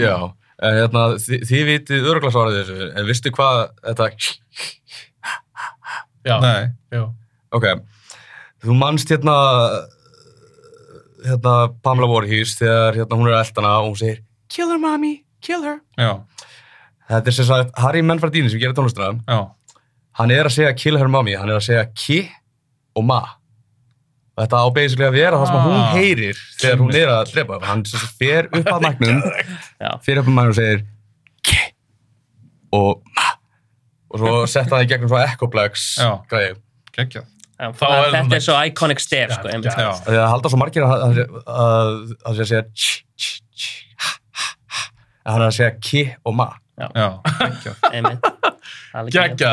en svo er líka einmitt talandi aðeins aftur um hana, svona make-up effekt hjá Tom Savini sko. þá er náttúrulega aldrei finna sögu með allan tvö hana, svona morðatri hana. Að bæði þetta náttúrulega með Kevin Bacon sem er eitt af þessum iconic morðum þegar hann liggur í rúminu og kemur hönd og grípur hann og svo kemur svona öri í gegn hérna að þá sett byrja svona að dæla spóð svo allt sem hann hættir að gera, svo kemur hann svona aftur og þá verður sko að því að hann var með svona pumpu sko. Og að þetta var svona low budget og svona það gáti bara að tekið eina tökku Já. þannig að hann er með ykkur pumpu og svo allt bara hætti pumpan. Og hann er bara hvað ég gera, hvað ég gera? Og hann er eitthvað undir ykkur, Kevin Bacon er undir umunu og svona, þannig að hann bregður þar að taka sko túbuna og byrja bara að blási hérna og þess vegna kemur þetta svona aftur og spýst svona, já, já, já. og það gerir þetta bara sko raunverulega ef eitthvað er sko. Einmitt. en svo líka einmitt eitt sem að þegar ég er búin að segja þetta eða það ekki tekið eftir sáður, þá munið þið aldrei ekki taka eftir þessu. Þegar þið sjá þessa mynd. Og það er að þegar að hún hálfsekur sko e, Já, já. að hún kemur, missir hausinu, kemur með hendunar og þá sér maður sko að þetta er enna, Tom Savini sjálfur sko. það er, já, að það er bara svona alveg hendur. lónar hár bara Og það er svona krumlur. En það gefur svona þetta er ógæslega cool effekt. Mm. Það er búið að taka hausina. Leða að koma hendur svona, puttar Mm. sem hreyfast. Það verður þetta eitthvað svona, wow, að maður pælir mikið í þessu, Mm. einhverja krumlur og svona. Mm. En þegar þú segir það mitt og svo tala um þetta í myndinni, heimildamyndinni, það var eitthvað skemmtilegt. En maður tekur sérstaklega eftir því þegar maður er að horfa á þessu myndir í bara high definition, sko, þú veist. Já, já, já, já. Ok, höldum áfram strákar. já, Förum aðeins í tvö. Það er, auðvitað mis, það er frá mismikinn tíma. Já. Þetta er konur í Friday the 13th part 2. Mhm, The body count continues. Þá fáum við loksins Jason. einmitt. Komið með það strákar, Pétur eða, eða Jökull eða Hötti. Hva, hvað er á að tala um? Í nummer tvö, hva, hver er sagðan þar? þá halda þær áfram með þessa hugmynd af því að þeir sá hvað þetta er vinsal mynd og þeir verða að gera eitthvað þannig að þeir ákvað að taka hugmyndir um Jason áfram af því að hann, er hann að opna það að hann hafi verið lifandi eftir allt saman og eitthvað svona þannig að hann sett kemur til sjónarna og þetta er mynd sem að sko ég ætla ekki að segja hann sé kannski betri en fyrsta myndin en mér finnst það skemmtileg en fyrsta myndin sko Það sem er að gerast kannski. Ég er sammála. Og hún byrjar á því að við erum stött hjá sko ekki í Crystal Lake þar sem að alla myndina, eða flesta myndina gerast. Og þetta er eina tilvikið þar sem að hann, Jason er að ferðast eitthvað fyrir utan þegar hann fer svo með til New York og eitthvað svona út í game. En hérna en, hérna þetta byrja bara í ykkur borg þar sem hún er sett svo sem að lifða af í síðust mynd hún er Alice, karakterinn. Og, hún, og hann kemur sér tangað og, og drefur hana. Mhm. og þannig byrja myndina, þetta er svona tengingu fyrstu myndina og svo er það bara, erum við aftur komin í sögumbúðunar og eru þið ekki að setja upp aðra sögumbúður bara rétt hjá, það er eitthvað Ég var ekki heyrið mig bara vatnið. Það á að gerast fimm árum eftir þau fyrsta. ætla Já. bara ekki að gefast upp að vera með sumbúð. Nei, einmitt, einmitt, einmitt já, þetta var hýri mig við hérna Crystal Lake og Crazy Ralph er hérna þetta og í nákvæmlega sömu fötum ég alveg þetta á að gerast fimm árum setna. Still crazy. Er þetta sama myndin? Og er það bara að gera sögum myndin að þurr? Ég myndi ekki að segja það, en þess að er sko þarna vitum við allan tíma hvað morðingin er. Það er ekki verið að leina okkur því, þetta er Nei. ekki svona veist, það er svoleiðis. Þetta er alveg, við vitum þetta er Jason og, og þeim það er þetta fræga sena í upphafi sem er svo síndi í nummer 3 og 4 líka svona í upprifun, það sem þeir setja svona við þennan varðeldin, svona campfire s- sögu, Mér finnst það gott aðri. það er aðrinn alveg og hérna ótrúlega svona, og það er líka að setja tón fyrir seríuna sko, þess að hann segir að vissi að það var hann að drengu sem að, þú veist, já, mér finnst það bæði vel skrifað Mhm. og mér finnst það- mér finnst það gott delivery hjá leikarinn sem er að segja söguna Já. og hann er að tala um þetta Jason dæmi. En ég verð að skjóta einu inn í. Það var Sean S. Cunningham er hann fær þau fyrirmæli bara frá Paramount bara hei, við verðum ekki að aðra mynd. Mm. Það var svo vinsælt. Og hann bara, ha? Hvernig ætla að gera það? Morðingin er döður, allir krakkarnir er basically eru veist, hvað er að fara að gera? Bara, hmm, herru Jason þá einhvern veginn bara breyta svolítið svona aðeins að því þannig einhvern veginn er svona sloppið, fundaldri líkjans mm. þegar maður fyrir að pæla í hversu rökrætt er þetta var hann það búin að vera bara í skóginu þarna í einmitt, þetta er náttúrulega ekki rökrætt sko. Má ekki ára að myndir út frá því að hugsa rökveit, sko. þetta er náttúrulega, þetta er svona eitthvað í bara rauninni, lif, Já. lifa á íkornum og eitthvað, þú veist. Einmitt. sko. já, já, einmitt Takandi upphýðingar og ógæsla massa við en hann er með póka yfir hausnum í hann, hockeygríman er ekki hana kemur ekki fyrir næstu mynd sko. hvernig fílaði þetta lúk? Þetta er uh, þetta er smá svona svona redneck horror veginn, Mm. svona Texas Chainsaw ég, ég fíla þetta það er of stórt- Ice dæmi, sko, þetta er svona, Mhm. líka eitt auga þarna, sko, þetta er svona, þú veist, það, hefði hann ekki vilja hafa hitt líka, skilur, en svo gefur náttúrulega ljóstar að tyggja hann þannig alltaf, veist, með eitthvað með svona, veist, eins og sé svona brendur öðrum megin eða eitthvað Já. svona, Já, það er alltaf með sínd með einhvern veginn, sko.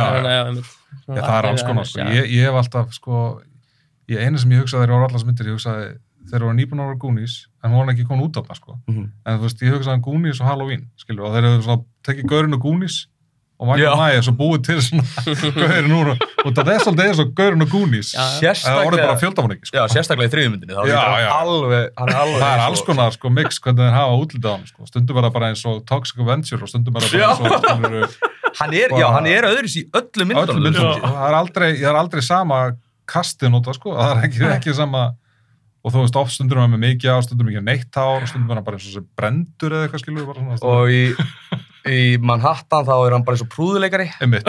Ræðið það betur að gefa Já. þeirri mynd en það er, en er eitt með þessa mynd líka og fyrstu tvær að, sem að, það eru svona með betri myndunum í seríunni og, og ég held að flestir sér sammála um það.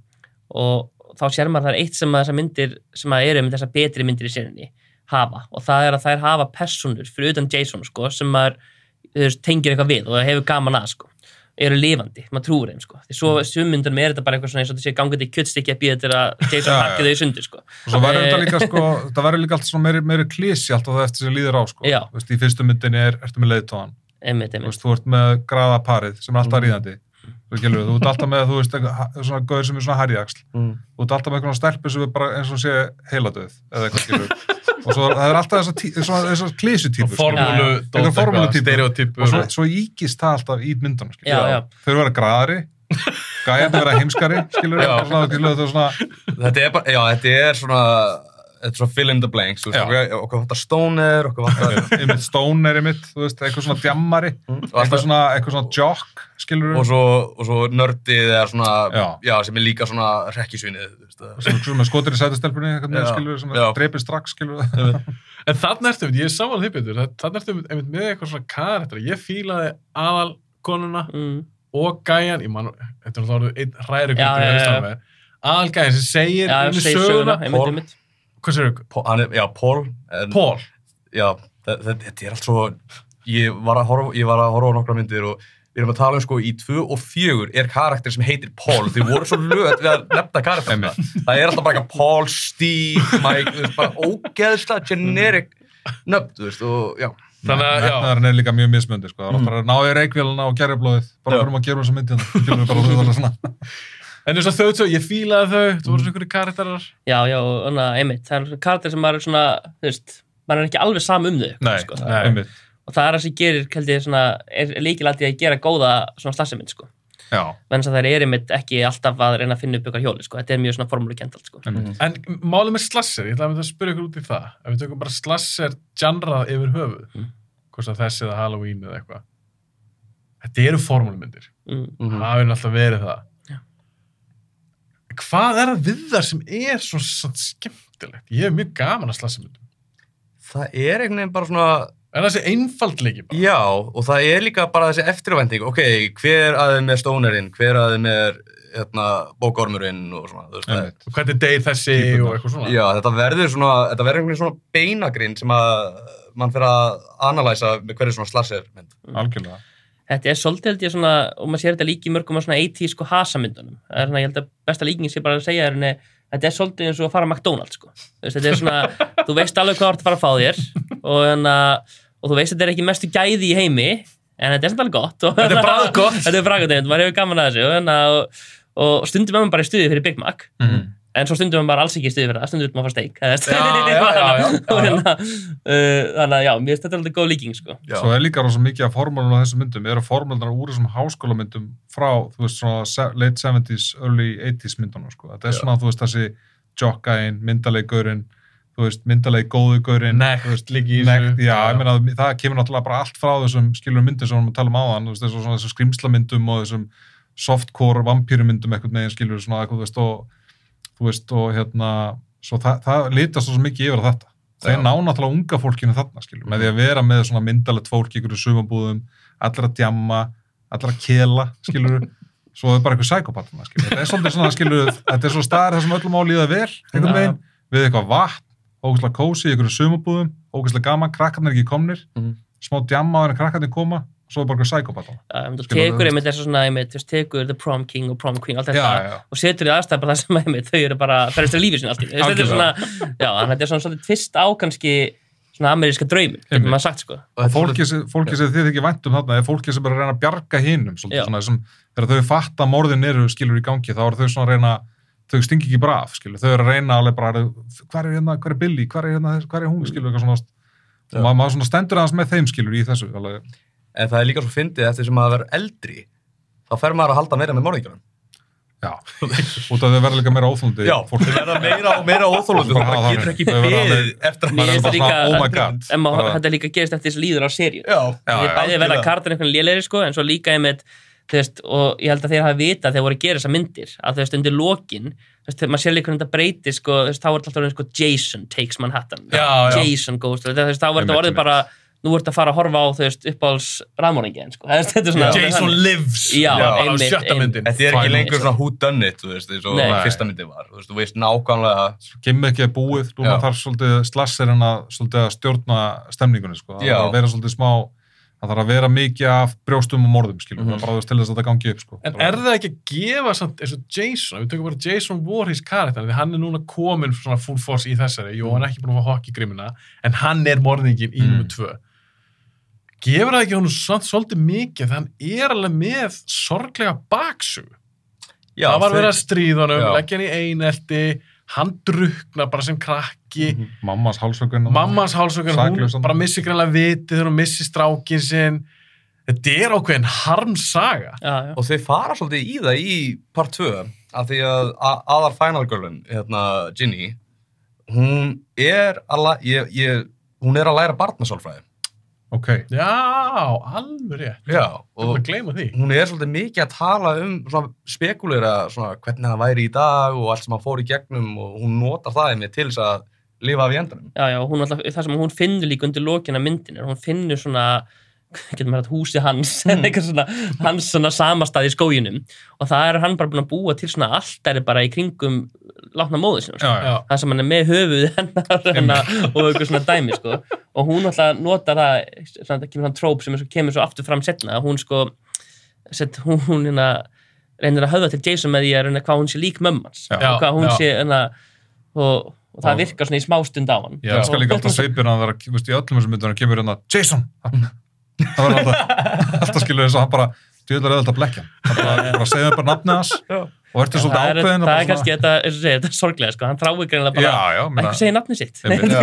Bara mamma sem dáin En já, þessi karakter, hún er með svona smá samúð fyrir honum, sko, og hún notar það svolítið gegn honum til þess að lifa af. einmitt. En þegar mér fannst, ég tók að þessu einmitt eftir því að ég var að fara í gegnum alltaf seríun að það er eitthvað svona engjandi við með Jason er að hann er með þessa sorglegu baksögu. Alltaf að gera hræðilega hluti hann að myrða fullt af saklusu fólki. Hakk mér að fólk. En eins og þú segir mér tjökul ég held eða smá með hann. Alveg eitthvað, mér var bara að sjá hann drepa. Já.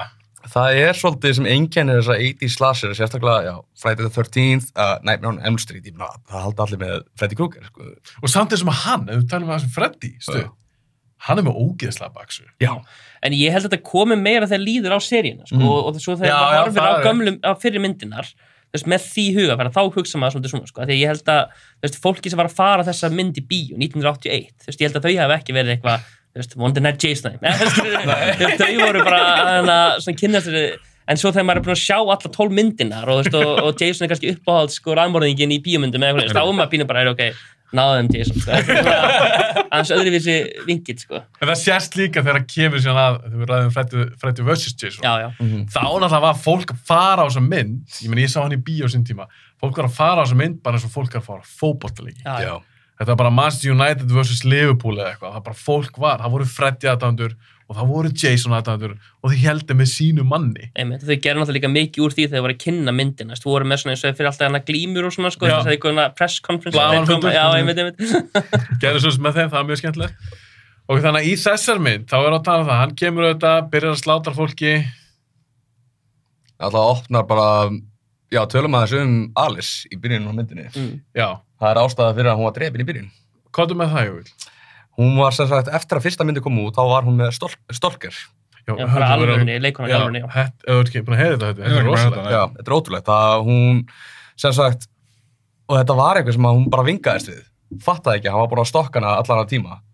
Og það var bara, þetta var komið út í það, hann var bara í íbúðinu hennar, bara með Jesus. Ætlaði bara að fara að drepa hana, sko. rosalegt maður Og hún bara ákvæði eftir það, hún vildi ekki gera fleiri svo myndir, en það það að var, já, það var bara út af myndinni. Já, hún hún það- var bara aðdándi Hún Já. átti að vera með miklu stærra hlutverk í part 2 sko. Já, ok, vá.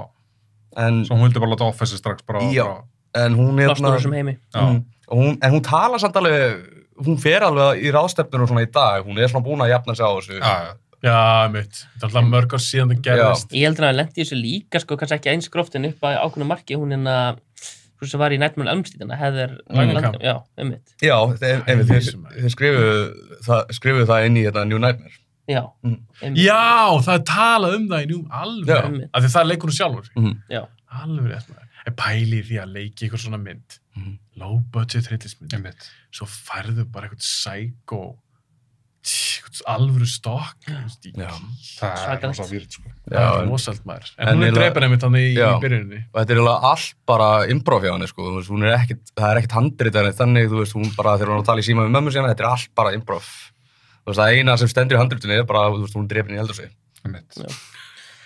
Já. en hérna með nummer tvö og svo nummer þrjú fyrir aðeim hana það er eitt sem það er líka saman og það er að það er sett sami leikstur sem gerir þessar tværur myndir, hann Steve Miner og hann gerir sett, þetta er ég þetta er eina dæmi um það í sérinu sem að setja eitt leikstur gerir fleiri en eina mynd sko. já, annars var þetta alltaf nýr já, leikstjóri. alltaf, alltaf nýr leikstur sko. Já, var hann ekki aðstofamaður í fyrstu mynd? Jú, nefnilega, hann tengist því sko, hann er handvalin afröðinni Sean S. Cunningham sko. og þeir sjá það líka með þetta lýsir honum vel Sean Cunningham, sko, að hann sem sagt þessi leikstir ekkert fleiri mynd, hann gerir þessa mynd og svo er hann bara svona producer, sko, og svona, þú veist, það er bara það hlutur sem að hann held ég alltaf vilja vera bara, Já, já, hann var alltaf meiri pródúsur heldur en leikstöri. einmitt, einmitt þannig að tvö finnst þér um góð þetta, varstu búin að segja það? Sko, mér fannst hún tölvöld síðri enn myndin, fyrsta myndin, sko. Og, veist, og, og ég man ekki alveg svona, mað, mað, ég veit ekki hvort það bara var út af því að hann kom strax til sögunar. Mm. Út af því að mér fannst fyrsta myndin alltaf svo góð út af því að það sást aldrei. Já. Það var svolítið svona, þetta var svolítið svona point of view, alltaf lúk og svona fíl og svona, skilur, veist, og mér fannst hann ekkert rosa mennising í þessari mynd, sko. Mm. Mér fannst var hann alveg- það Poki? Ég, ég veit það ekki, eitthvað hauspóka skilur, veist, er hann, er hann gett svona, er hann gett meðutan um sjálfa sig, er þetta eitthvað svona fjöldamóningi sem er það bara, skilur, ég fór bara að hugsa rosa mikið um eitthvað svona þennan póka og eitthvað svona, skilur, þú veist, maður, en svo bara strax í þriðju myndinni, skilur, sem við ræðum eftir, þá bara, þú veist, skilur, það er náttúrulega komið bara miklu meiri þessi íkonik, skilur, morðingi, Mm. þannig er þetta bara eitthvað kall með póka haustum, skilur, sem er að drepa eitthvað rólingar, já, skilur. já, Svo þú veist að mér fannst myndin alveg heilt yfir alveg ágætt Mm. og tölvöld betur en mikið af myndina sem komið setna en, en þú veist, mér fannst svona, svona eitthvað megin, mér fannst vanta meira að vera að hangja aðeins meira í fílingnum skilur, Mhm. að þú veist, það væri frekar að elda þau, frekar að koma strax fram einhvern veginn með hann að póka og vera strax ekkert með ekki svona visjól, mhm. skilur. Mm. Ég hef freka viljað að væri svolítið þetta, þetta þrett, skilur, sem svona var í fyrstu myndinni, sko. Já, hann er svona, já, aðeins meira, hafa aðeins meira óvissu. Og... Já, já, aðeins meira óvissu hvernig hann lítur út og hvernig mm. hann er og skilur, og svona, hérna, já, og svo mér fannst hún tölvöld síðri en fyrsta myndina, en tölvöld betur en aðrar. En, en þau erum að tala um, hérna, personar 2 vs. 1 hvað fannst þér um personinu í mér fannst þetta eiginlega bara sko mikið á sömum personinu að vera í 2 líka sko, en það voru betri í 1 sko. en þú veist menna það voru náttúrulega svolítið svona prototípan skilur svo var allt hitt svolítið svona veist, svolítið smá gimmick af hennum personinu sko en, mm. en þú veist það var engin person sem gaf góð og al person til í fyrstu myndinu í annar myndinu sko. í alveg, mér finnst nefnilega, ég elska hérna, svona the, Þetta the final girl Já. í þessari Já, Sammála. Já, mér finnst hún í rauninni sterkar enn í fyrstu myndinni. Já. veist, já. Já. hvernig hún Sigra Jason finnst mér ógeðslega Mér finnst nefnilega það atrið þarna með alltarið og svona, mér finnst það gott þegar hún sagði Jason, þannig mér finnst það mjög gott sko. Já, hún, jú, ég, þannig að aðeins lengra síðan ég sá fyrstu myndina, mm Mhm. stýttra síðan ég sá þessa, en hérna, einmitt, svo í minninguna þá fannst mér eins og hún væri aðeins betri í fyrstu myndina, það er bara út af mig kannski mér, mér fannst fyrsta myndin svolítið góð, sko, Já. svona, og þetta barnasálfræði, ég tengdi það ekki bara fyrir í gær Nei, ég, ná- ég, ná- já, Já. ég, mista, ég glandi því, sko. ég var alveg að horfa ég horfði á fyrstu þrjár í gær og það kemur, það er bara ein lína um að hún sé Já, já. barnasálfræði að hún sé læra barnasálfræði Er það snemmi myndin þegar hún er Já. að keira bílinn eða er að fara eitthvað í bílnum? eða? bara þegar hún er nýkomið þegar hún er Já, já, er bara í einmitt.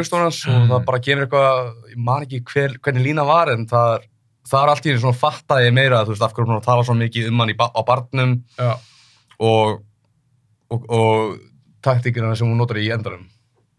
Já, ég tek undir, undir þessi þið að tala um, mér fannst hún, hún skemmtileg, Já. svo stelpa og, og mér fannst þetta, mér fannst þessi bara fín. Já, Hún er alltaf, sko, tvö og fjögur eru uppáldum eitt, sko. Já, sama hér, sko. Já. Já, Já, tvö og fjör uppáld ykkur af þessum tólmyndum. já mm. mér finnst þetta, erst fjögur fyrst mér uppáld, sko, og Mhm. svo er tvö í öðru seti, myndi ég segja. Já, sko. sammála. Ok, hendum núna í eitt bara svona stutt. Já. Þið eru búin að svara þessu. Höddi, hver finnst þér best eða slags skemmtilegust af þessum tólmyndum? Er það fyrsta? já, ég held, ég verði að segja það, sko, núna svona, það er lengst sinni sá hana, sko, af þessum myndum, sko, það er alveg á nokkur ár sinni sá hana, en þú veist, í minningunni, svona tilfinningi minn til hennar núna er mjög jákvæð, skilur, mér fannst, eh, og ég hef líka séð hana oftast, ég held ég að séð hana alveg þrísvar, Ok. svona, ekki kannski alveg bara fullblóna sitið yfir henni þrísvar, en ég hef séð hana allavega svona, þú veist, tvísvar, alveg bara horta á hann í gegn, og, kannski þriða skipti svona svona verið með hana í gangi eitthvað, þú veist, og svona, en ég verði alveg að segja fyrsta myndin út af að mér fannst hún svolítið negla ramman sem er síðan, þú veist, uh, það sem er gott við setni myndunar eftir á, sko. Ég verð að segja, núna kannski verður mér hent út stúdíun. Jason Mér finnst þér íbútið alls ekki ha- er þetta með nefndigæðin? 2009. Mér er svona frábær. Ég er alveg, hún kom mér alveg sterklega óvart og það er mynd sem ég er búin að sjá, ég er ekki búin að sjá hana oftast. Já, ég horfði hann á lögudaginn, sko. Mér finnst þú mjög góð, sko. Ég, hérna, ég neita að fara á hana í bíó, sko. Já. Það kom fyrst. Bara... Bara, Varstu vissum hún var leðileg? já, ég, að ég var nýbúin að sjá líka, hérna, Nightmare on Elm Street og þetta var sama, Kom hún á undan? já, hún Nei, kom... það, hún var 2010, sko. Þannig að hún var 2009, en að... Nei, ok, já, ok. Já, það- þið gera Texas Chainsaw Face, Já. svo Friday. það startar þessu svona endurgerða æði í Hollywood, Já. sko. Mm. og þá fara alltaf að koma allar og þeir alltaf sömu hérna, framleiðendur í gerði Já. Texas Chainsaw alltaf bara, alltaf bara hérna er Friday, hérna er Nightmare on Elm Street og bara hérna er hérna. Amityville Horror eða hvað þetta er hérna húsin sko þetta er hérna, þú veist bara og þeir eru alltaf að gera fullt af ykkur svona myndum og svona alltaf bara allar þessar 80s myndir endurgerðar í rauninni sko hvort það er Hills of Ice eða Hitcher Ok, við fyrir alltaf í frekar, fyrir við frekar að spjalla það á Já, já. eftir, Já. en já, mér þykir rosa vænt um, um endurkjörnu, við Mm. fyrir einmitt betri það á eftir. Hver er versta myndin? Mm. sko, við erum saman um það, við komumst að því á hann Voru það að tala um það en á Já, já, já. hann tókum við? Jason Goes to Hell. já, Hödd eftir sammála því? Já, ég verða, sko, hún og Manhattan eru alveg já, gloriously lélega, sko. Alveg svona, bara, þú veist, alveg svona, þær eru að ná nýjum hæðum í að vera fucking þróta bíum. Ég mér mynd alltaf að ég sé Jason Goes to Hell og ég sagði þetta held ég við Hafþar hringdi mig, já, ég er búin að svo Jason en það er bara út af þessu helvitis hulstri. Ég bara Já. man svo ofta þegar að sé Já, þetta já. hulstur og ég, já, ég er auðvitað búin að sjá hana. Já, þú hafði ekki séð sjálf Svo hafði ég aldrei síðan hana. sko. Mhm. Ég, þú veist, ég bara fattaði eða bara þegar ég byrjaði að horfa á hana. Hún er, hún er algjört rusl og bara, þú veist, bara Mannaskýts, getandi Þetta drast. er eina myndi sem ég á sem ég er svo pyrrað að að, Já. og talandum, sko, það er enginn að byggja um að myndir þurfa að vera eitthvað, þú veist, ógæslega raunsæðar og rökrættar, en skilur það bara ekkert. Nei. Það er ekki heil brú í sögunni. Nei, meikar ekkert sens. Og svo er þetta svo leiðilega leikarar, og þetta er svo, þetta er svo, öy. Ok, fyrir dýpa hérna. En ég er sammála ykkur, Já. Jason Goes to Hell, ef mér finnst þú meira sem bara langlilegast. Þó sé alveg margar slæmar. Manhattan er mjög nálægt eftir henni. Sko. Fö- Förum í þriðið myndina. Þessi endur á því, heitum ekki Ginny. Hún vinnur Jason. Mhm. Ég maður samt ekki alveg hvar hann endar. Sko, hann kemur alltaf, hún er búin að vinna hann, þá kemur hann svona aftur, kemur aftur svona breðað undir lokin, hún, er, já, hún er hann að stendur við gluggan og þá byrtist hann fyrir aftan og, Mhm. og grípur hana en nefnir, en hvað gerist hann eftir það? Ég var að Heldur hún ekki játa, það? ég var að Jú, játa er það 2, ekki? 3 Var það og ekki? 4 eru svolítið svona að renna stundum Já. svolítið saman Hún sko. fer, já, hún er tekin inn í sjúkrabíl og hún er eitthvað að segja where's Paul, where's Paul og já, svo er summað inn á alltarið Já, og hérna ég, ég fatt, ég tók ekki eftir þessu fyrir mörgum ára setna já, en beinagrindin á gólfinu er með svona ice pick á höstum og þetta er átti sérst að vera Alice nei. Já. Wow, ég tók ekki að því. Nei. ég, það var bara, já, ég það var bara mörgum árum eftir ég búin að sjá hana var ég að horfa á hana aftur og ég sá einmitt svona ice pick. Alice og þessar mynd. Og Nei, og fyrst, já, fyrst, að hún var já, já, með já. svona ice pick. Hann hefur tekið hana með sér. Já, hann drap hana sérst, í þessari mynd. Nú þarf ég að fá útskýringu, var hann bara í leigubíl hann í borginni sem hún bjóð eða með þessa fucking hettu þarna? Þetta er einmitt sko, þarna kemur smá, það er nokkur atrið í þessu séri sérstaklega, þó þetta sétt oft út algjör vittlisa, en það er nokkur atrið sem eru svona alveg sko, make ekkert sens Nei, er bara, einmitt. okay, var hann bara í. Subway bara þarna? Nákvæmlega, ég er að drepa Alice og þú veist, ef hann átti að vera aðan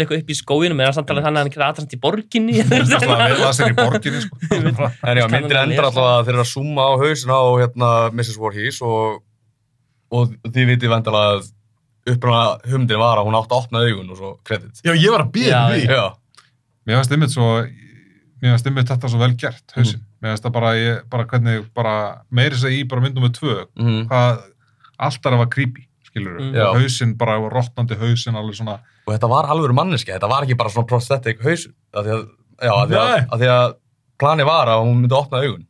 Já, einmitt, einmitt, það er alltaf vá. að gera það. Mm Förum í finnst mynd alltaf að segja þetta var alveg haus bara, ég bara, hvað, þetta var svona manneski að, þú veist, hvað smetna þér?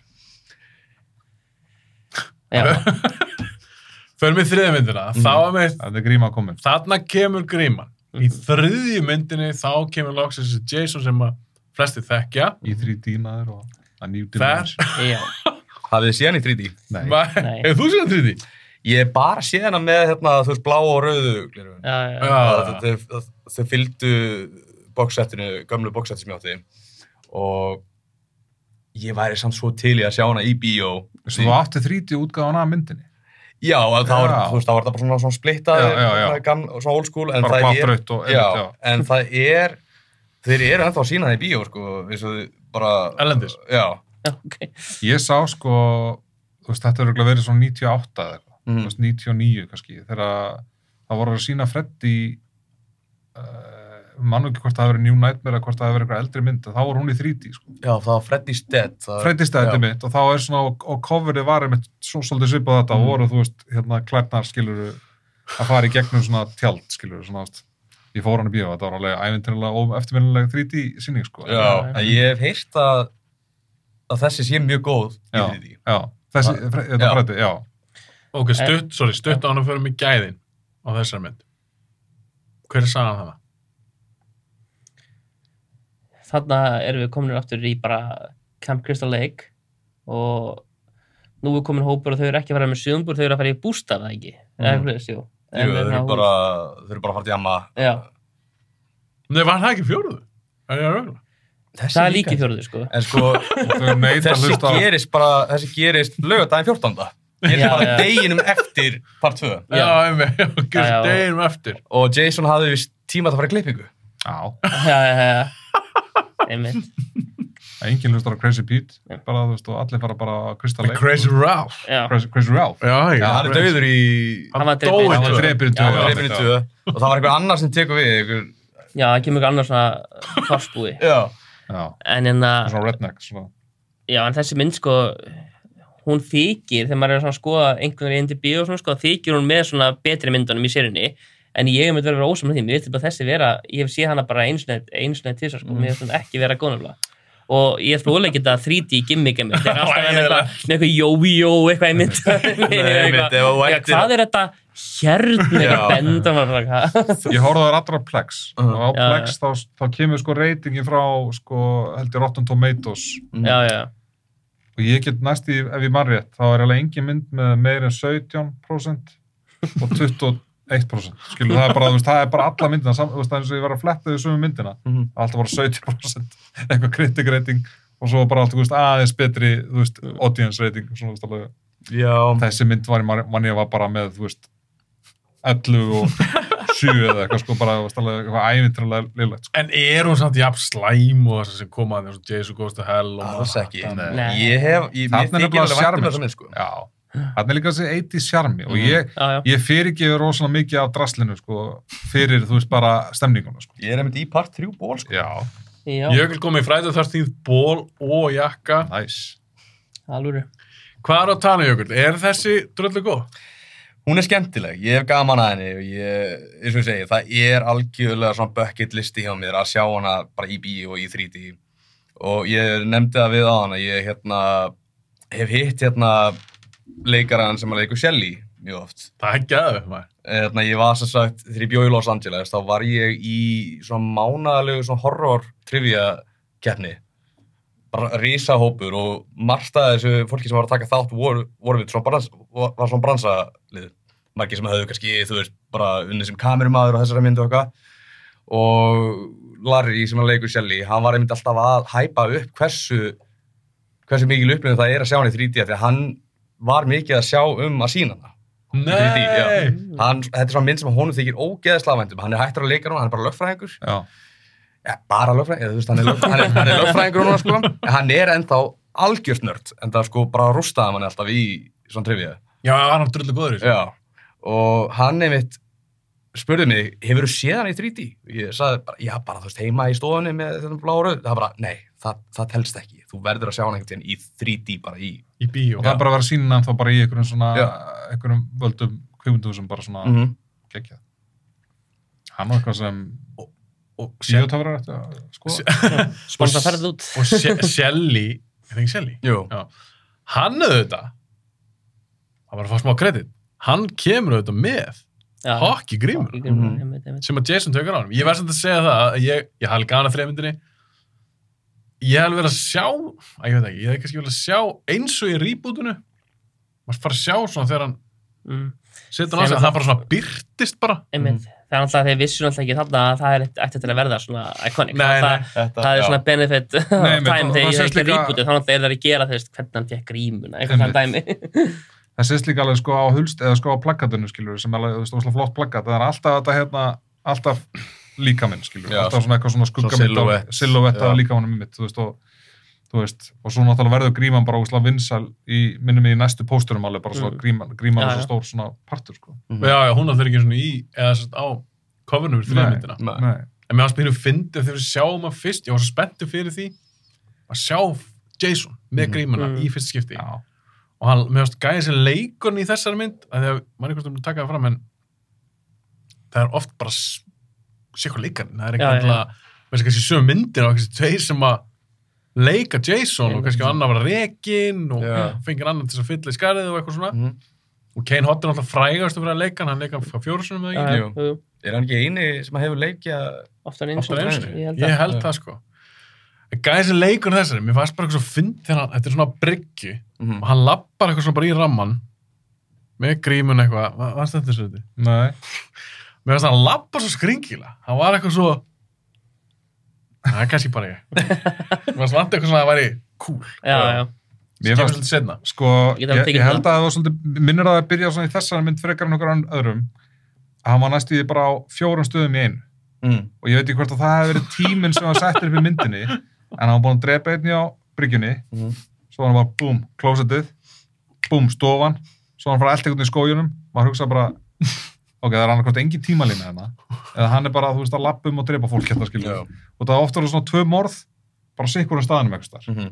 og þá var hann bara inn í skáttnum skilur samt nýbúin að drepa einhvern á bryggjunni eitthvað, og bara svona, ok, herrðu, þið verðið aðeins að allan að sína lappi áttir á húsinu eða eitthvað skilur, eða svona bara En er það ekki partur af svona sjarmanum kannski og við Jason, hann er er, er fucking 2 og 17 eða eitthvað sko. Og hann er já. þú veist, 150 kíló sko. hann er ekki að byrtast eins á þess að einhver heyri hann tróða sér á þetta eru tréhús sko. Já. hann er ekki að byrtast eitthvað staðar, sko. þetta er bara, veist, hann er sko, þegar hann byrtist þá er hann alltaf haustnum herri en allir þetta er ekki einhver sko. Er, þú veist, alveg, Nei. hann er bara að hlussa sko. það kemur fram í tölvuleiknum já, þegar þú getur spilað sem Jason Já.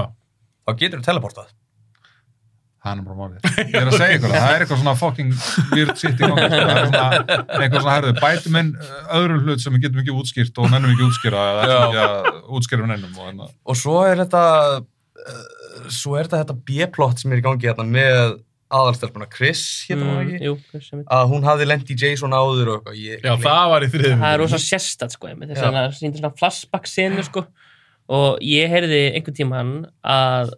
svona sko að hvort það var í Crystal Lake Memories eða hvort það var í einhver svona að þess að að þeir tóku uppræðanlega upp sko miklu gróara efni þar Bara svo og- nöðgunar aðrið já, einmitt, einmitt, einmitt að að, og það var að því að Paramount bara sagðist að við erum ekki þeir voru alltaf einhvern þeir voru að græða þessu myndi, þeir vildi líka veginn bara klára það af þannig að við Já. ekki sína hvað hann er vondur fólk má ekki halda með Jason, þú veist, það við þurfum að, að drepa hann Þannig voru Og bara svona- ákveða final chapter, bara final chapter, það er bara já, Bara, já, og hérna og, og þess vegna var pointið með þessum flashback sinum að sína hvað hann væri þú veist, svaka slæmur, sko, hann væri ekki bara þessi hérna voru ekki í skóginum, sko. Ekki bara eins og þú veist, hákallin í Jaws sem er bara að býða eftir að næstu bráð, sko. En hérna uh, en svo var það einhverjum ástæðum klift niður og þá er þess að flashback sinum svo sérstakar, sko, hann er bara svona að hlaupa eftir henni. Og ég, ég gleymi alltaf að þetta er partur af myndinni sko. Já, er ég var að gleyma, það er ekki þannig sem ég horfði á Já. og þú að já að því hún er að segja einhverjum frá því bara, já, svo, það var eitthvað maður hann í skóginum Já. og næst ég bara að ná mér og það var eitthvað tráma sem fylgdi því og það var þessi svona, það var skrítið en ég held líka, ef þeir hefðu haft það þau aðri eins og ætlu uppalega að gera mm, ef hann var líka eitthvað nöðgar og eitthvað, það áhörundur er ekki alveg tilbúin að fyrir kannski nei, allt nei, nei, nei. það er einmitt það sem ég hataði við endurgerina á Nefnum Elmstríð þegar ég ákvað að leggja meira áherslu á að Freddy hefði verið barnanýðingur Já, þegar í fyrstu myndinni Mhm. var hann ekki bara barnamorðingi Jú, það var svona, upprunalega var alltaf bara barnamanningin, þetta kemur fram að hann hefði bara verið við nýðingur. Já, Já. Þá ertu komið allt öru Mm. þessi einhvern veginn svona twist á karakterin. já, Þá er óslega erfitt líka að vera hann að, já, Já. ég held með þér. En að því að sem hún tala um, hann er sorglega baks á Ja- baku Jason, en leið og hann er kannski hann einhvern nöðgari líki í einhvern skógi og Ég vil líka halda að Jason er asexual.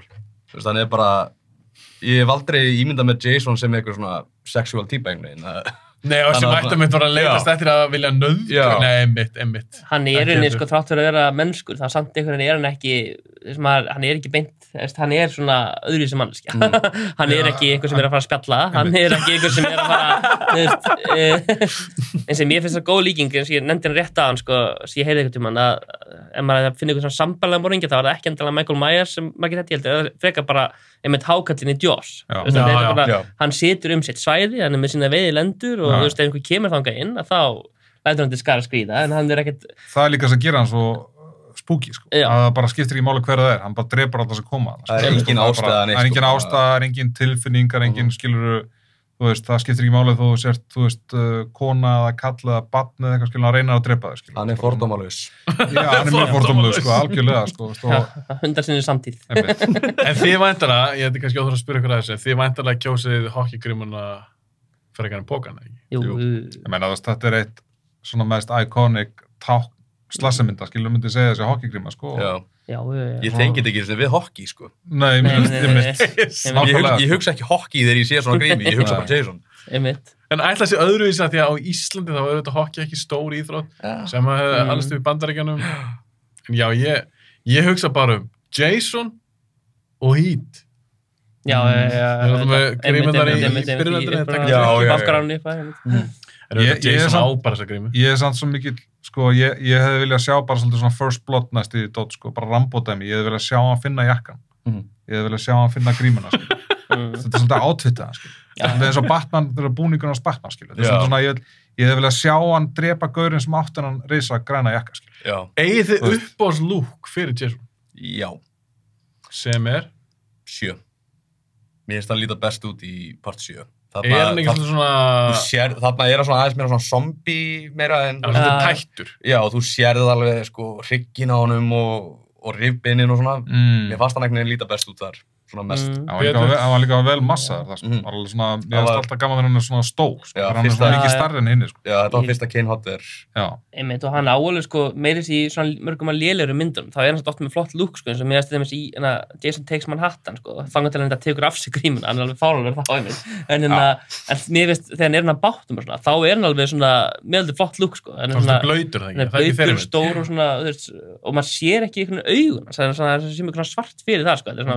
það er Það og og það það það Það líka að vera erfitt fyrir að það mætti þannig í bátinn, sko. Það það er að klöngrast inn í hennar bát og það var svo stór eitthvað svona, sko, svo þau eru með svo först með hann að inn eitthvað.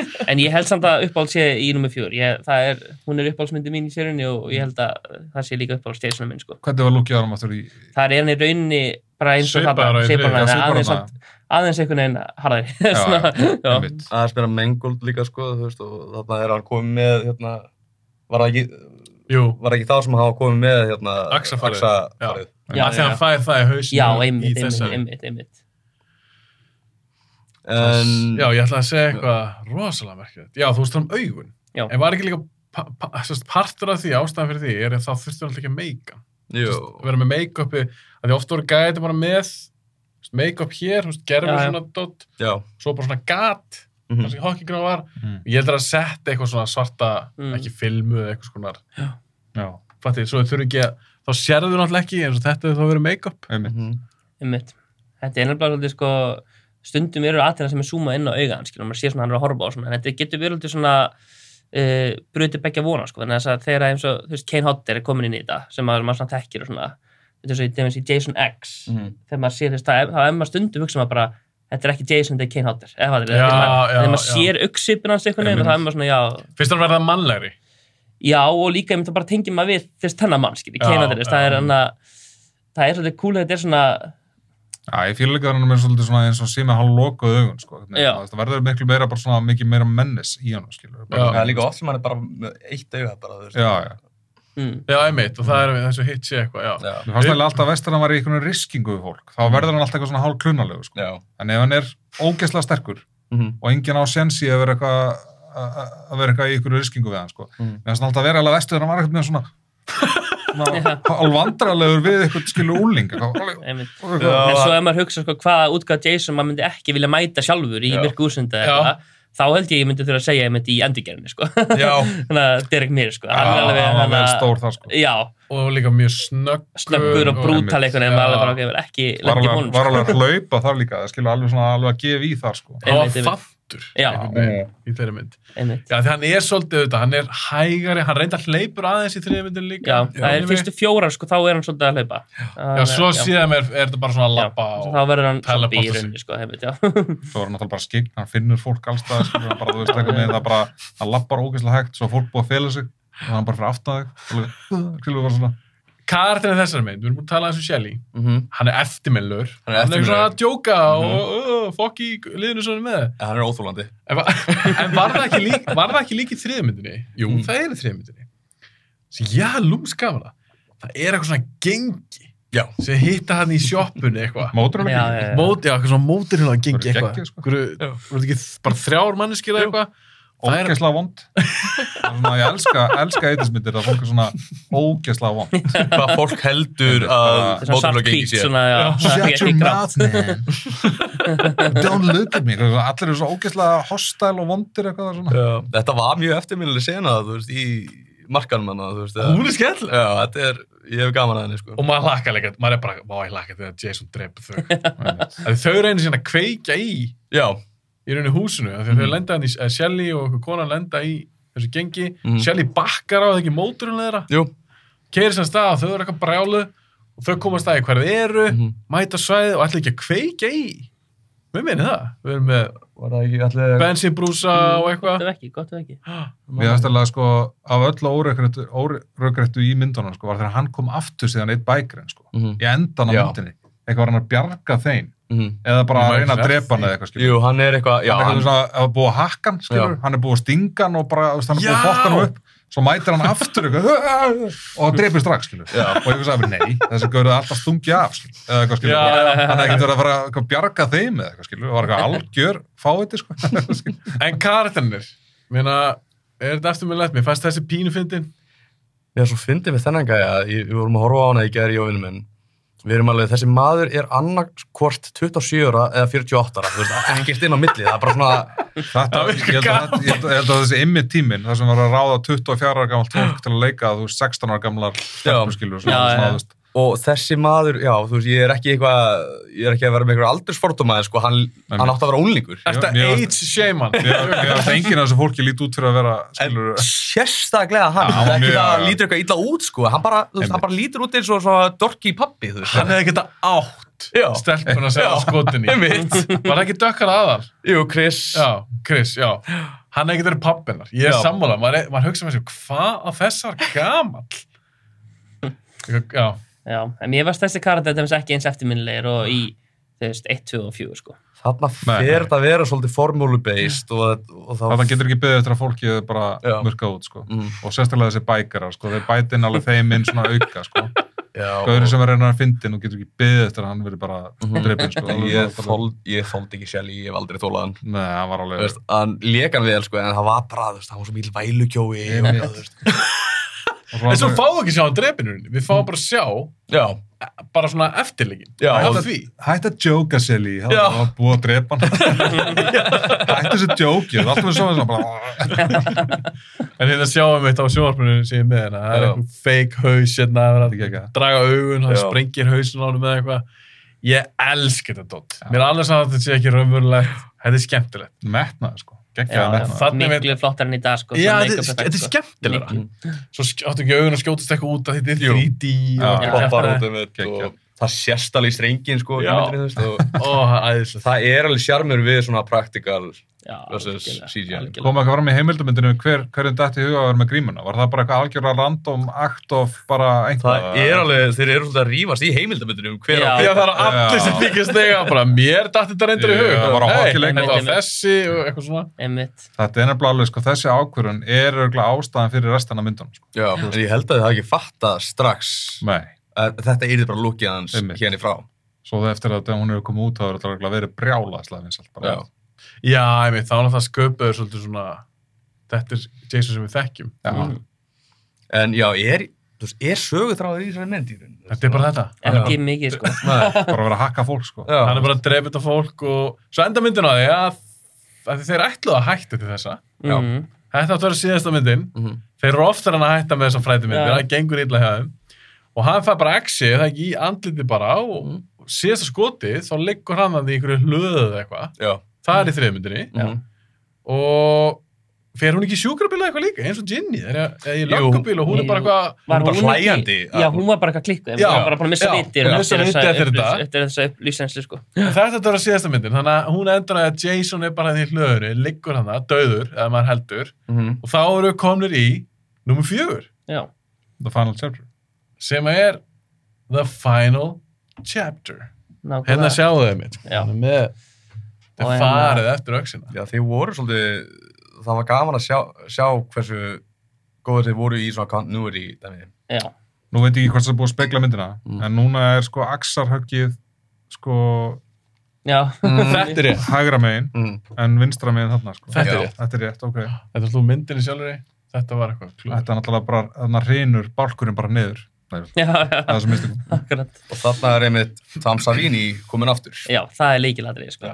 Af því að hann alltaf, hann bjóti Jason, hann alltaf enda Jason. Var Já, The svona- Final Chapter, fjórða myndin og eins og við erum búin að tala um ára, þetta eru tólf myndir. Mm. Pétur, þú sett sér upphásmyndin, Já. Jökull, þú líka, allan eina af þeim. Mhm. Pétur, okkur er þetta eina af þínum upphásmyndin? Mér finnst bara þessi mynd er, ef ég ætti að segja einhverjum að horfa á slassimynd, einhvern spyrja mig bara, hvað er slassimynd? Þá myndi ég segja, horfa á Friday the 13th Final Chapter. Af hverju?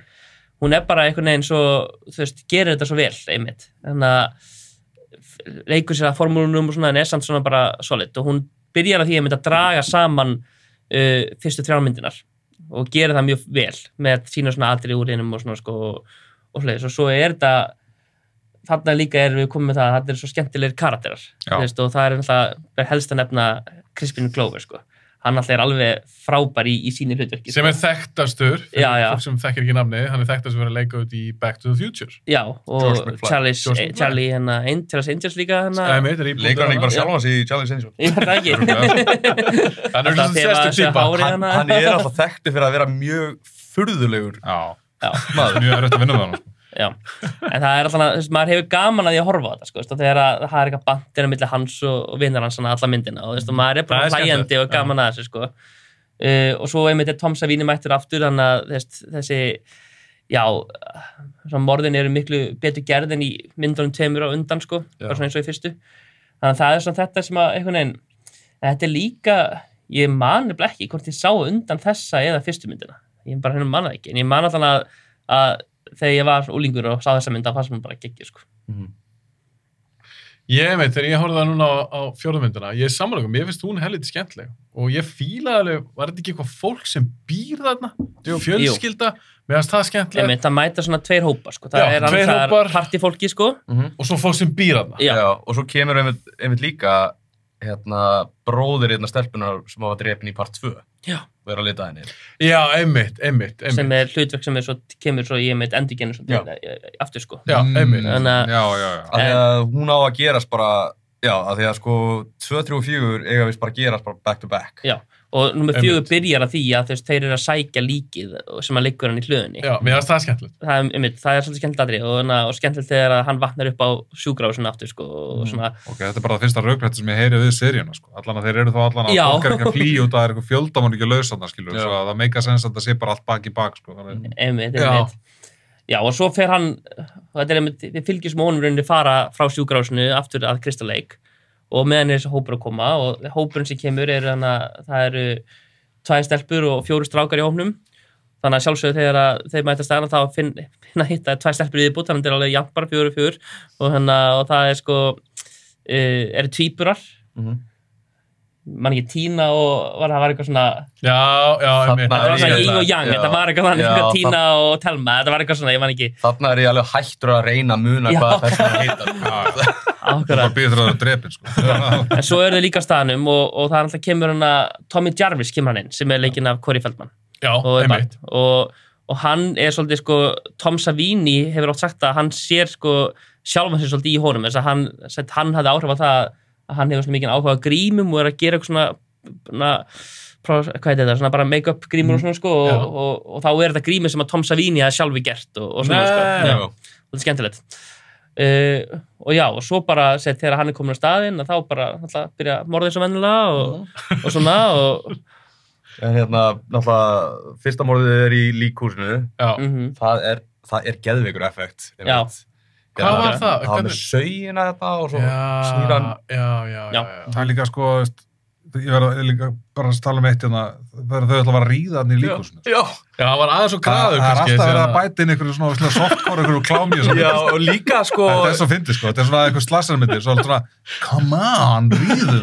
já, svona. líka bara, Nei, við erum í líkhúsi. já, ég er að borða samloku líka sko, bara, bara yfir líki sko við erum með Já. ógeðslegasta lík sem við Já. höfum haft hérna það er eitt sem ég tók eftir, af hverju alltaf þeir eru í líkhúsum af hverju þeir eru alltaf að borða, af hverju þeir eru alltaf borðandi Hvaða sociopatar er þetta? Það er ríðandi og getandi samlokur, veist. já, þeir eru alltaf getandi samloku einmitt, það var svona, já, mér varst það mjög töff sena, líka út af því að það sem ég, mér var svo gaman út af því að maður hefði séð fyrstu þrjár, Mhm. og það voru svolítið, svolítið svona, já, svolítið svipaðar, skilur mm mér var svolítið gaman að sjá þetta að koma svolítið annað aðeins umhverfi, sko, já, Já, mér finnst það já, skemmtilegt, já, já. já, að það var að þú veist, hann var í þessu líkhúsi, já, það var eitthvað svona, þú veist, og tension í líkhúsi sem var svo gott, sko, þú já, veist, og það sést líka bara, bara frá fyrsta skoti Já. að þeir, þeir eru að vinna með stærra budget þú veist, já, já, Já, já, ég svolítið- og líka bara eins og, þú veist, þessu Já, lækninu var alveg dick, sko, já, þeir eru alveg, sko, við veist, þeir eru rosalega góður í að búa til algjör að fávita, sko, já, já, þú vilt að þetta fólk sé drippið, sko, Já, bara svona Ég, alveg, ég líka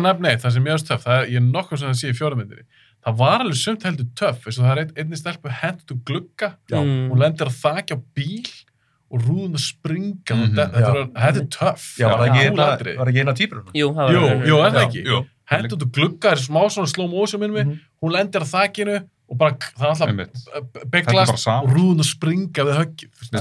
Lúkja á honum þarna er svolítið skemmtilegt út af því að þarna er hann svolítið svona eins og bara eitthvað svona psycho bóndi eða eitthvað sko. þannig er hann bara svolítið þú veist, bara í skýrtu eitthvað með og gallabúsum og bara svona stó. En var ekki lengi, mann ekki alveg hver le leikurinn þessar mynd, Mhm. en var þetta ekki svolítið cool svona lúk og hreyfingarnar, Jú. var það ekki og Þetta var- algjörlega já, hann heitir Ted White sem leikur hann. Já, er svona eldri maður. Hann var mikill legend í svona svona, svona stöndleikari og mér var svo fyndið að horfa á hérna, heimildinendra hvað hann hataði Corey Feldman. Ég þóldi ekki hvori valda. Sem var það bara út, eða lítið batta það sem, sem séu reynir kristallast í dag sko, alveg svona, svona En mér varst hann svolítið skemmtlur, líka bara eins og hvernig hann var vaksin svona bildið á honum. og líka svona sterkur, ég man eftir því sérstaklega sem þetta var eins og hann hefði bara orðið sterkar eftir að fengja öksun í hausin sko. Einmitt, Já, og, svona- en ég er samt ennþá í rauninni, þetta er síðasta myndið þar sem hann er ennþá manneskja, sko, Já, í rauninni, sko, þó hann hafi reynda að lifa það af hann að fá öxuna í andliti, sko, Einmitt. það ég veit ekki alveg hvernig það er hægt að útskjáða það beint, sko, en, Þeir en, þurfu ekki útskjöra neitt, Nei, sko, nei. það er það besta sem en, hérna, og enda útskýraði ekki neitt. Nei, einmitt, hann er svona, svona snöggur, hann getur, hann hleypur hann ennþá og svona, já. sko, e, svo náttúrulega er eitt, eitt besta atrið í myndinni er alls ekki, tengist ekkert morðum með neitt, sko, það er náttúrulega dansinn hjá Crispin Clover, sko. Mér varst það fucking gegn, ég, sko, ég hlæ alltaf að þessu, Já. ég sé þessa mynd ofta. Var ekki bara bull í honum? Jú. Já, þetta var ekki spunni, sko. Eh, Jú, það var, það var hana, já, það var, og það er ennþá stektar þegar maður heyrði það, sko. Já. Það, þeir spiluðu hana, sko, ACDC Back in Black. já, það já. En dansið var bara hans, þetta var ekkert Já. koreografa. Nei, nei, nei, nei. Hann byrjar bara, þú maður þetta svo þetta? já, mér svona veikli, sko. Þetta er bara skrýta skrúan hann, hérna, Crispin Glover, sko. Já, Þetta er bara komið svona frætið, ertu komið frætið að 13th fatigue? Það er bara amnesia, sko. Það er svona ég reyna að gleyma, sko. Nei, Og svo náttúrulega líka bara bandirinn milli hans og Já, vinnar hans, svona dead fuck. Hann veit alls ekki verið að kalla þér dead fuck. Hvað var það? Allan tíman í myndinu, dead fuck, dead fuck. Var það ekki bara bull í þeim? Jú, þetta var allt bara improv hérna, sko. Wow. Og líka, okay, það pekit inn eins og 12 hjá mér eitthvað, það var bara improv. Mm. Svo náttúrulega, þú veist, er náttúrulega, sko, Corey Feldman, þegar að rakka sér hausinn að nára að skoða myndina mömma svona á blaðagrinn Mhm. og eitthvað svona, það er bara, þykist náttúrulega mamma hans, Jason, í... Nei, Þykist Jason sjálfur, Þykist já. vera Þykist Jason. Jason sjálfur, já, það er hann lítill, já, Já. já. Það sé mynd Hann er af mynd af honum Jason. hann er. Þykist það að mamma. Og hann segir eitthvað Jason, Já. þá kemur hann aftur, Það- Ég veit að sjá þá mynd þetta. Corey Feldman þykist það að mamma Jason. Já, hann rakar svona þess, Já, Já, já, já. Já. svona svona eitthvað. Þetta er alltaf sama stef, samt. Svona höfða til æskan. sem Já, já, svona, já, en, að- en það er líka og verður svona hastur við hann, segir svona, Jason, þá var hann, stoppar hann, Ef við fáum að sjá í lokin, hann er alltaf búin að slátra fullt að liða þetta. Mhm. Í lokin þá hittar hann mitt þegar Feldman þykist vera Jason, eða krakka útgáfanum, Mhm. Mhm. Að hann dref Jason. Já, og, Og- þarna líka drepa hann alveg, sko. Þess, það, það er Já. engin vafi eftir þetta. Þeir er alveg drepa hann eins hægt að vera að drepa hann næst í, sko. Það er svo- final chapter. Já, og Já. það er líka svo flottur effekt líka, þú veist. Já, já. Sveðina og Einmitt, hægt já. að fara niður í gegnum sveðina. já, Og þeir sögðu mitt, ég held að það verið Savini sem sagði það, þeir voru svo mikið að reyna, þeir voru auðvitað að berast auðvitað kvikmynd eftir lit, Mhm. að þeir voru svo mikið að reyna, ok, við verðum að geta spara aðeins þetta final skotana, Já. að því við viljum láta myndalega hanga aðeins til þess að sína fólki bara, hann er döður. hann er döður. Og það sést, já, hann er ekki að koma aftur, hann sveiði að ferða í haus og hann rennur svona hægt niður, Mhm. hann er bara döður. Einmitt. En mér finnst bara svo fyndið að þetta sé fjórða myndin, the Heitir- final chapter, svo komu, við fengum við svo Jason áttasinnum. Já. Já, já, já. Svo heitir næsta, næsta mynd bara, bara Friday the 13th 5. Það ekki, hún A er New Beginning. New, já, New Beginning, já, einmitt. Ó, Eða að fara í hana, strókar? Já. Það ekki. já, Þarna er verða, sko, þarna verður ákveðin kaplaskil í seríunni. Fyrstu fjórar eru svona eins og ákveðin eining Já. og svo koma sko 6, 7, 8, 9 og 10 sem svona seríunni líka. En hérna, fimman er svolítið svona kaplaskilin einhvern veginn. Þannig að hún passar svona í, hvoruðan flokkin, sko. Þannig að þess að, eins og ég, það er náttúrulega spoiler, en við erum náttúrulega bara að spoila að Að þetta er ekki Jason. Þetta Jason er ekki myndin? Nei, þetta er copycat, moningi, sko. Það er hræðileg hugmynd, Já. maður. Og þetta er líka eina af þessum síðri myndum á mínum mati sko, því ég man alltaf eftir því ég horfði á hana því ég var svona, "Ok, ég er ekki alveg nógu gott á hérna myndina sem ég er búin að sjá eitthvað, okay. og svo kemur endurinn og þegar maður sér grímuna fram og maður er bara, hver er einmitt. Það grínur þetta. Já, Já, svo kemur svo kemur svo útskýring Já, svo útskýring, langsótt sko, já. bara, En þessi mynd fjallar einmitt um Tommy Jarvis, já, sem er Feldman Carterinn, Mhm. og Feldman leikur eitthvað smá hann. Er þetta ekki sama tíma voru að taka um Goonies? jú, hann kom, kom, einn dag á setti sko, Já, að þarna er hann orðin alveg bara rísa barnastjarna Já. og hann hafði bara ekki tíma til að vera í þessari mynd. En hann er smá, Já, hann- ég, nei, ég held mér sem að þeir fara heim til hans. Já, Við tókum Já, upp já. bara í bakarinn með þessu eitthvað, þú veist, þeir höfðu hann í Einmitt, líkuð einmitt. tvo klukkutíma já, til þess að taka eitthvað upp. Mhm. Þannig að hann er eitthvað smá í myndinni, svo fá að sjá, sjá Tommy Jarvis eldri og maður veitur ekki hvort þú svo seni mynd sé alvöru seni eða hvort hún sé mynd eitthvað draumur Eitthvað eða draumadót. ímyndun eða eitthvað Já. Þess að hann er rigning og hann kemur að sér gröfina sko hjá Jason og, hann að- einmitt. og þá eru ykkur menn að grafa hann upp sko Mhm. og þá hann að dreipur hann þá og svona var greinlega jarðaði með sveðjun allan þar því að hann bara stingur henni upp og byrjar að Hakka svona á hann horfir svona á hann og lappar hann með Já. og svo er hann fullorinn og þá er hann á okkur svona úlinga geðveikra hæli Já, já. Og hann að, Það fyrir eitthvað svona búðir já, Er það ekki? jú, og við að sjálfsögðu Crystal Lake Er þetta ekki- er þetta ekki bara í svona útkverfi? Nei, var þetta ekki í einhverju svona, einhverju svona eins og þetta var eitthvað svona atkvar fyrir svona já, ég þannig ma- svona- verður þetta ekki við Crystal Lake samt eða? Var það? Eh, Það er aðeins, það er aðeins lengra síðan, sko, ég, na- ég, ég horfði á alla myndina svona nýlega en ég náði reyndar ekki að horfa á fyndu. Ok, en ég get, að ég á ekki að alla lélugum karakterum Ah. sem mynd. Já. já, já, hún En þessi, þessi líka, það það er, það er eitt sem mér finnst svo fyndið við þessa mynd Það er alveg mikið á brjóstum þessari Mhm. Mikið nekt Gæðin sem gera þessa mynd Þetta þurfti að gera eitthvað til að bæta upp fyrir myndina, sko. Það. Við minna alveg örgulega hafa verið í fimmtu myndinni Hann var Vistu ykkur svaka perri virðist vera mm. þegar hann, þetta er hilarious þegar maður er að hlusta á fólki rifið þetta upp, þetta er óþælt fyrir leikarna, Mm. en hann er á setti kynlýsadri og hann var veist bara öskrandi, bara fuck her harder, fuck her og veist, fólk var bara slakað á ég held mér sem að þurfti að tala við hann Ég er nefnilega grunnur að þetta hafa alltaf verið eitthvað fyrirhundi kynli en það klám, klámyndalið sem að vera að gera þessa myndir. Því Ég að- meina, Sean S. Cunningham, hann, hann byrjaði, sko. Já, ég meina, það- maður sér það bara Hann var að gera softporn, sko. Það er bara quality á, á, á myndatökunni og svona skilur þetta er bara svona þessi gaur, þessi hann Danny Steinmann eða hvað hann Já.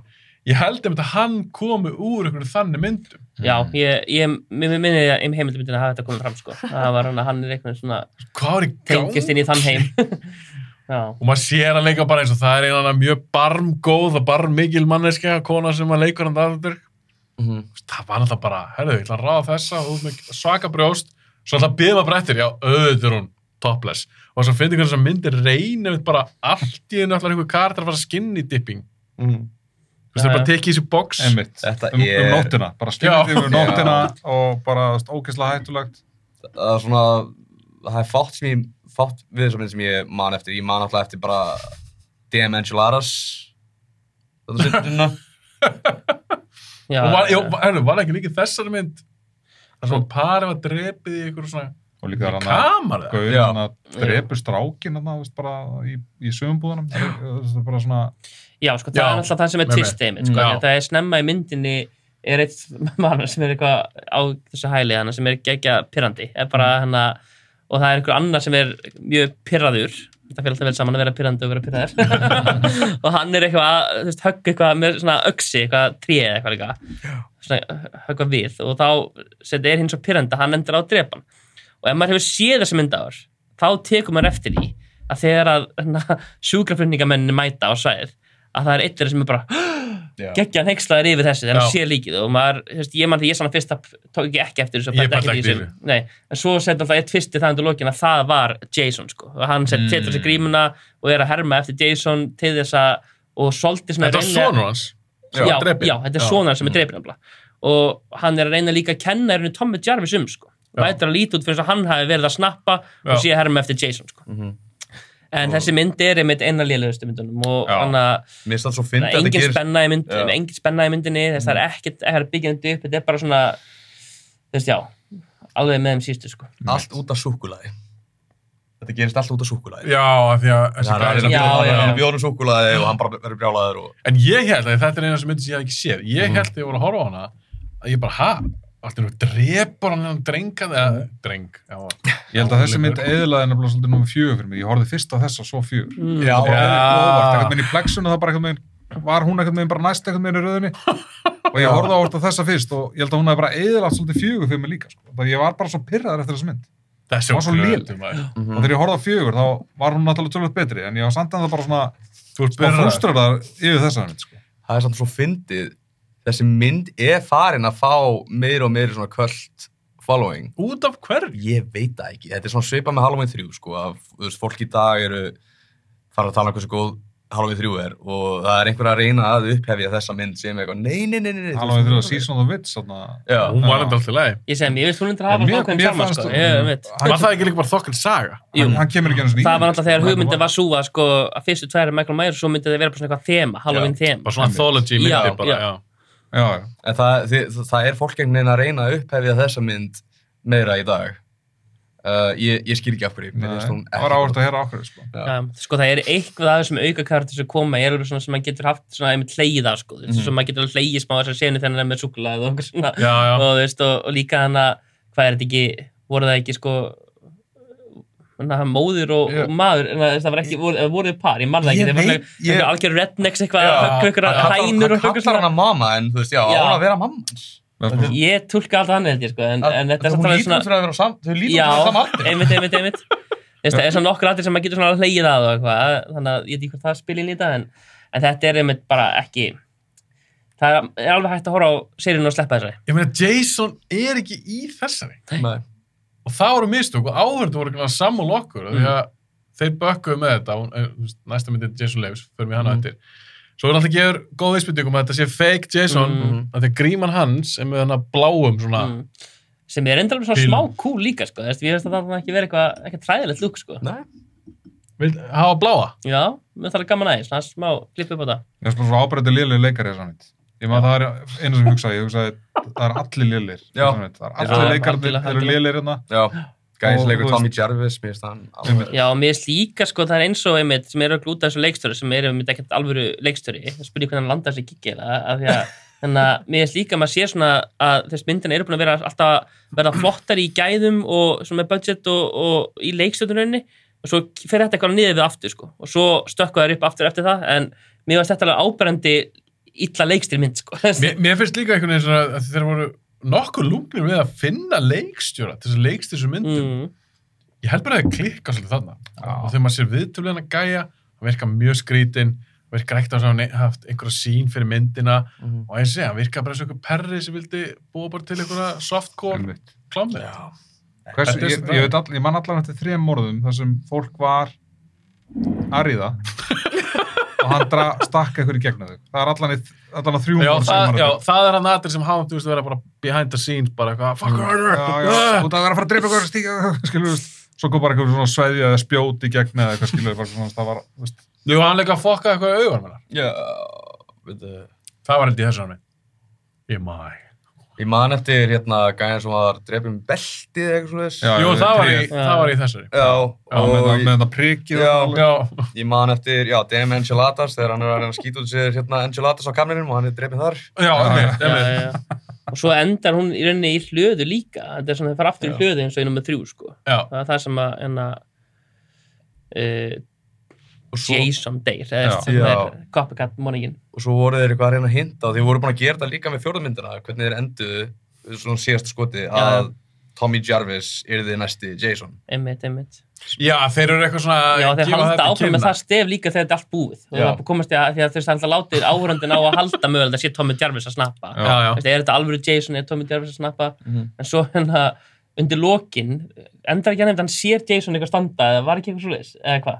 Jú, var- spekli já, eða já, eitthvað. það var eitthvað svo leis Er hann ekki bara sjálfur setið Jú, hann er komið með jú, sjálfur sko. einmitt, og það, þeir gerðu þeir gerðu þetta sama með Halloween 4 mm. það sem að Jamie, stelp, litla stelpan það var hinta að hún yrði næsti svona Michael Já, Myers. Já, já, einmitt. og svo bara var það ekkert Og því fólk var bara ekkert að fíla þetta. Nei. nei, nei, Við viljum bara fá Jason aftur. Já, Fólk vil ekki sjá svona twist í svona myndum, þau vilja bara sjá morðingar, sko. Nei, nei. Þau vilja bara sjá, með það skilurðu- meika aðeins meiri sens í Halloween sko, en mm. Mm. þá allan var þetta sko hérna, var hún frænkan segja sýstir hans frankans það var alltaf blóðteng sko. þá var þetta svona, og Michael. Myers á að vera sér svona bara pure evil sko, þannig að Mhm. þá er þetta eitthvað svona það ílskan erfist eða eitthvað en þarna er þetta bara eitthvað, þetta var strákur sem að var vitnað þessu og nú er hann líka til Einmitt, já, já. Hann rakka á svo hausinn og er að breyta sér. Já, já, Já, af því að það er líka sko í loka skoti í Final Chapter, þá er hann líka, þú veist, það er svona, þegar þeir eru að faðmast í spítalanum, þá svona opnar hann augun og það er bara eitthvað svona menacing svipur á honum eða Já. Já, þá er við alltaf að halda, já, hann verður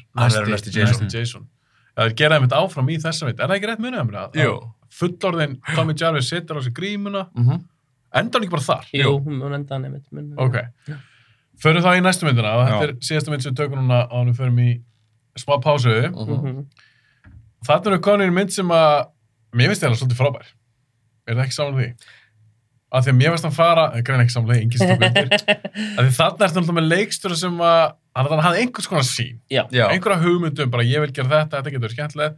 Og mér fannst tónnin skemmtur, þetta er svona, svona komísku tón. já, já, Þetta er líka fucking sjötta myndin. já, já. Og það er sko, þú ert ekki, þú ert ekki einn með þessu skoðun, sko. Þetta er, þetta er mynd sem er oft talað um sem eina af þessu bestu myndum í seríunni. ef ekki bara svo besta sko, Já. margir nefna hana sem Og það er margir en þetta tala líka um að hún sé svolítið svona forveri, sko, skrím, menn þess að hún er svolítið svona tongue in cheek, sko, Já, já. svona vitna í. Hún er það.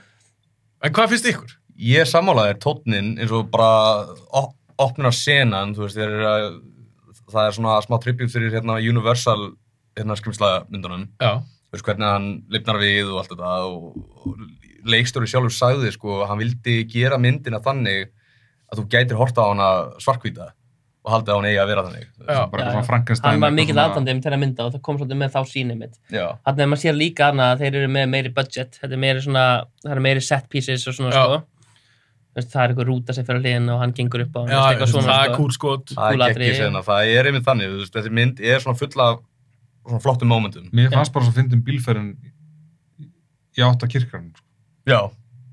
Hann er eiginlega í eitthvað svona gæðrófi Mhm. þarna, og hann er að samfara vinsinn um að skrafa upp þetta lík. Og vinnur hans er allir tímar að segja hann að hann ætla ekki að gera það, skilur við. Og hann, er með rétt fyrir sér. hann er að reyna að segja hann um að gera þetta ekki, skilur við. Og hann, veist, þetta er svo fyndið og það myndi byrja svona. Þeir eru að keira það, það er rigning og eitthvað svona, og hann er bara, hann er í hálgjöru gæðrófi að segja, við verðum að, ég veit bara, hann er, við verðum að fara að grafa hann upp, ég veit hann er lifandi og bara, og og vinnur hans er bara, vinnur hans er svo mikið svona rödd skynseminar, Já, að segja, hei, ok, þú veist, við slum ekki gera þetta, þetta er mistök, skilur, og bara svona reyna að vera góðu vinnur, skilur, svo kom með einhvern, einhvern, einhvern kirkikar. Já, þegar hann það þarf, þetta bara, ok, hvað ætlum við að gera nú? Við þurfum að gera Mhm. aðra mynd. Mhm. Fólk vil fá Jason, Mm. en við drápum hann í fjóða myndina, en hvað ætlum við að gera? Þannig að þeir byrja myndina á því að Tommy Jarvis og annar leikar sem leikur hún núna. Já, já, ekkert já. skildur henni persónunni í hinnum fymtumyndinni, sko. Það er þeir byrja myndina bara í þessu aksjóni, skilur. Já. Já. Og þú veist, þetta, þetta er stemningin sem þeir eru að setja fyrir myndina. Og hún byrja svona. Hann er bara í, í, í er svo, eins og þessi dagur, sérstaklega hann verða að fara hann og grafa hann upp eitthvað, skilur, og svona, þetta er bara svona, Nei, ætla hann ekki bara að vera fullvissus um að hann væri döður. Jú, eitthvað leys. Svo slæði niður eldingu og, hann lifnar hann- og þarna verður Jason zombie. Þess þarna bara lifn, verður hann, já, slænir eldingu í sko stálpriki sem hann stakk í, Já, hann Já, já, það, já, já, og bara einmitt, að einmitt, einmitt. hann og einmitt. Og og hann þá var- kemur þessi fullkona elding sem hittir hann og, og, Þá lifnar hann við. Ég meina, og þeir líka, dreipur við hans já, já. þeir segja líka bara, og það sést bara á coverinu, og skoðum plakatið hann sem er með í stúdíónu í sjónfnu. Jason lives. Bara ef þú fílar Jason, Já. að yngra áhugjur, hann er komin Einmitt. aftur. það er ekki Já. copycat, þetta er ekki frendans skilur þetta ekki Þeir gerði þeim þetta nákvæmlega sama eftir hérna Halloween 3 næsta mynd hér The Return of Michael Myers Já, já. Ok, ég, get, ég lof ykkur hann er í þessari mynd einmitt En hvað er að tala um? Ég meina, Finnst, er þess ekki góð? Ég meina, þið segjum ranki hátt á okkur listum, ég varstu skemmtileg. Ég, sko, Mér finnst þú bara mjög fín, sko. ég, Það er ég skil af hverju fólk fílar hann Einmitt, þú veist, það því, sko. er, það er alveg mikill húmór í henni ég hef alveg gaman að henni þú veist, en, hvað ára er þetta sem að kemur átt? 89? 86. 86 já. og Já. já. eins og hún sagði tónnin í þessari mynd ég hef gaman að honum og hérna Þannig er náttúrulega að koma aðeins meira svona líka, þannig er hann orðin bara eitthvað zombie, skilur, og Mm. bara eitthvað Frankenstein með hockeygrimu, sko, þú veist, og hérna, og náttúrulega opnar með eitthvað svona James Bond reference Já, ég, já, já. mér fannst það fárlegt, en ég fílaði það. það er eitthvað sko stundum sem er að tala um að hún fari stundum yfir línuna einmitt, með að vera svona tongue in cheek sko. það er dæmis það aldrei ég veit. Mhm. og byrtist ekki líka í augasteinunum á einhvern það var eitthvað dóð og maður sér í augasteinunum maður sé hvað tjóðs lappa á Já. Já, minna. já, Já. við, einmitt. og svo líka neitt atrið sem er svona það sem einhver persóna brýtur sko, fjórðarvekkin sko. þess að hann er eitthvað að tala um eitthvað svona aðeins og svo horfir hann upp í myndan og segja eitthvað, til hvað sem var aðeins það var eitthvað þannig Já, sko. það segir eitthvað, segir ekki eitthvað, það er skrítið hvað fólki finnst vera skemmtilegt. já, já, nákvæmlega, nákvæmlega, einmitt Horfir svona í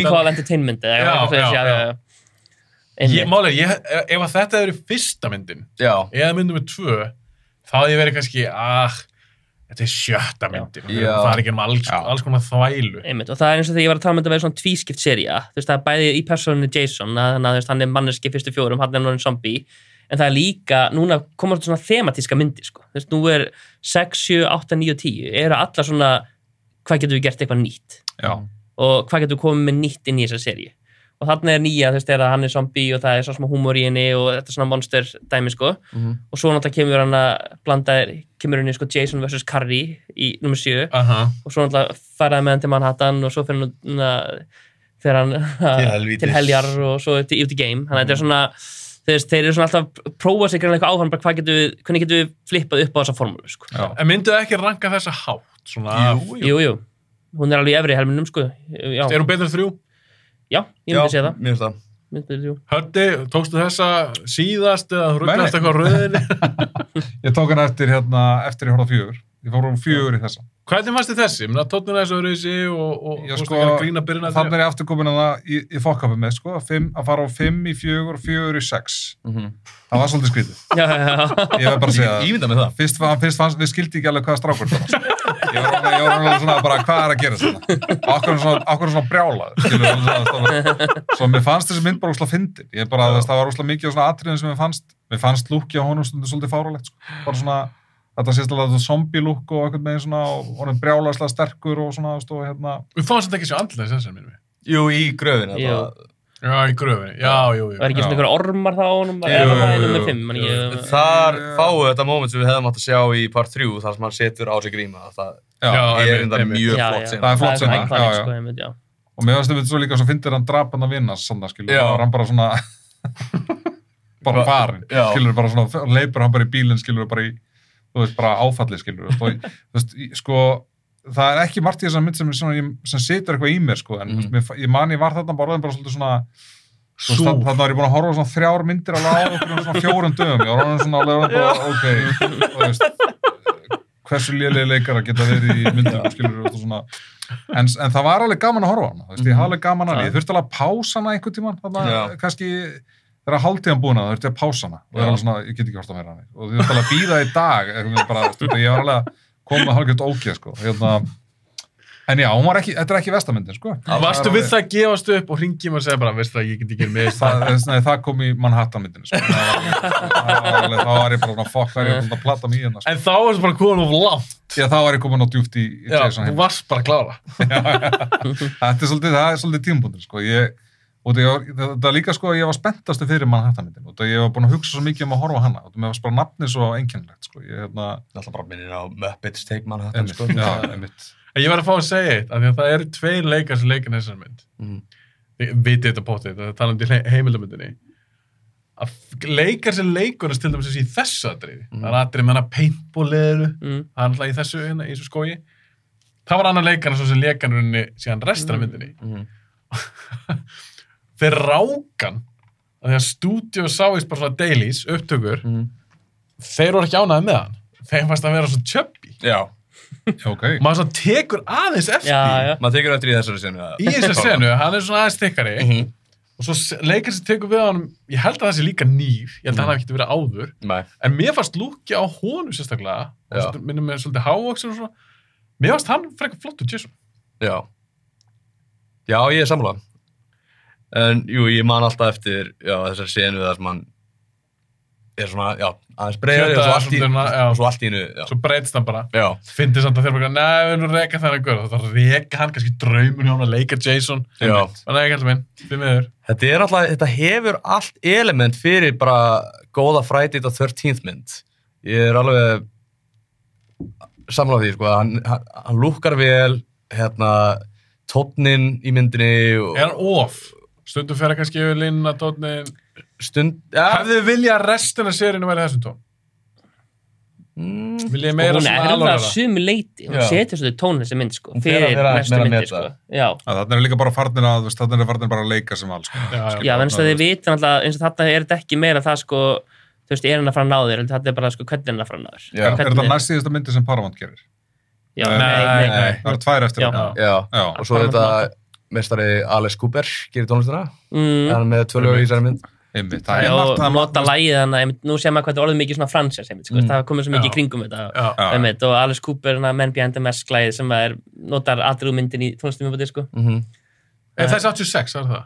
já, maður finnur alveg líka hvað er framöndan sko, eins og þegar tíund áratugun byrja sko, þú veist Já. þegar það skilur þá finnur maður alveg þetta er alveg smá, það eru drópar þarna skilur sem eru að fara þanga í Jason Ghost og Hell og svona skilur, Mhm. einhver svona stemning sem er svona, þarna er svona sjarminn finnst mér líka svolítið svona mér finnst sjarminn detta svolítið niður þarna Er það? Já, í þarna sögumbúðamyndunum sko, mér já, fannst, já, saman ég saknaði þess svolítið svona, ég saknaði svolítið svona karakterina þarna í Já. þessum myndum Já. sko, þú veist, og svona, þarna var þetta ómikið um hennan vælu kjóa þarna strák skilur, veist, Já. og, þú veist, og hérna, svo, mér saknaði svolítið að væri svolítið þessar típur skilur, sem var gaman að fylgjast með og svona, En það er áhugavert eftir sex myndir um morð í sumabúðum þetta er í fyrsta skipti sem við sjáum actually krakka í sumabúðum já, Já, einmitt. þetta er fyrsta myndið þar sem er actually krakkar í Já, sumabúðum einmitt.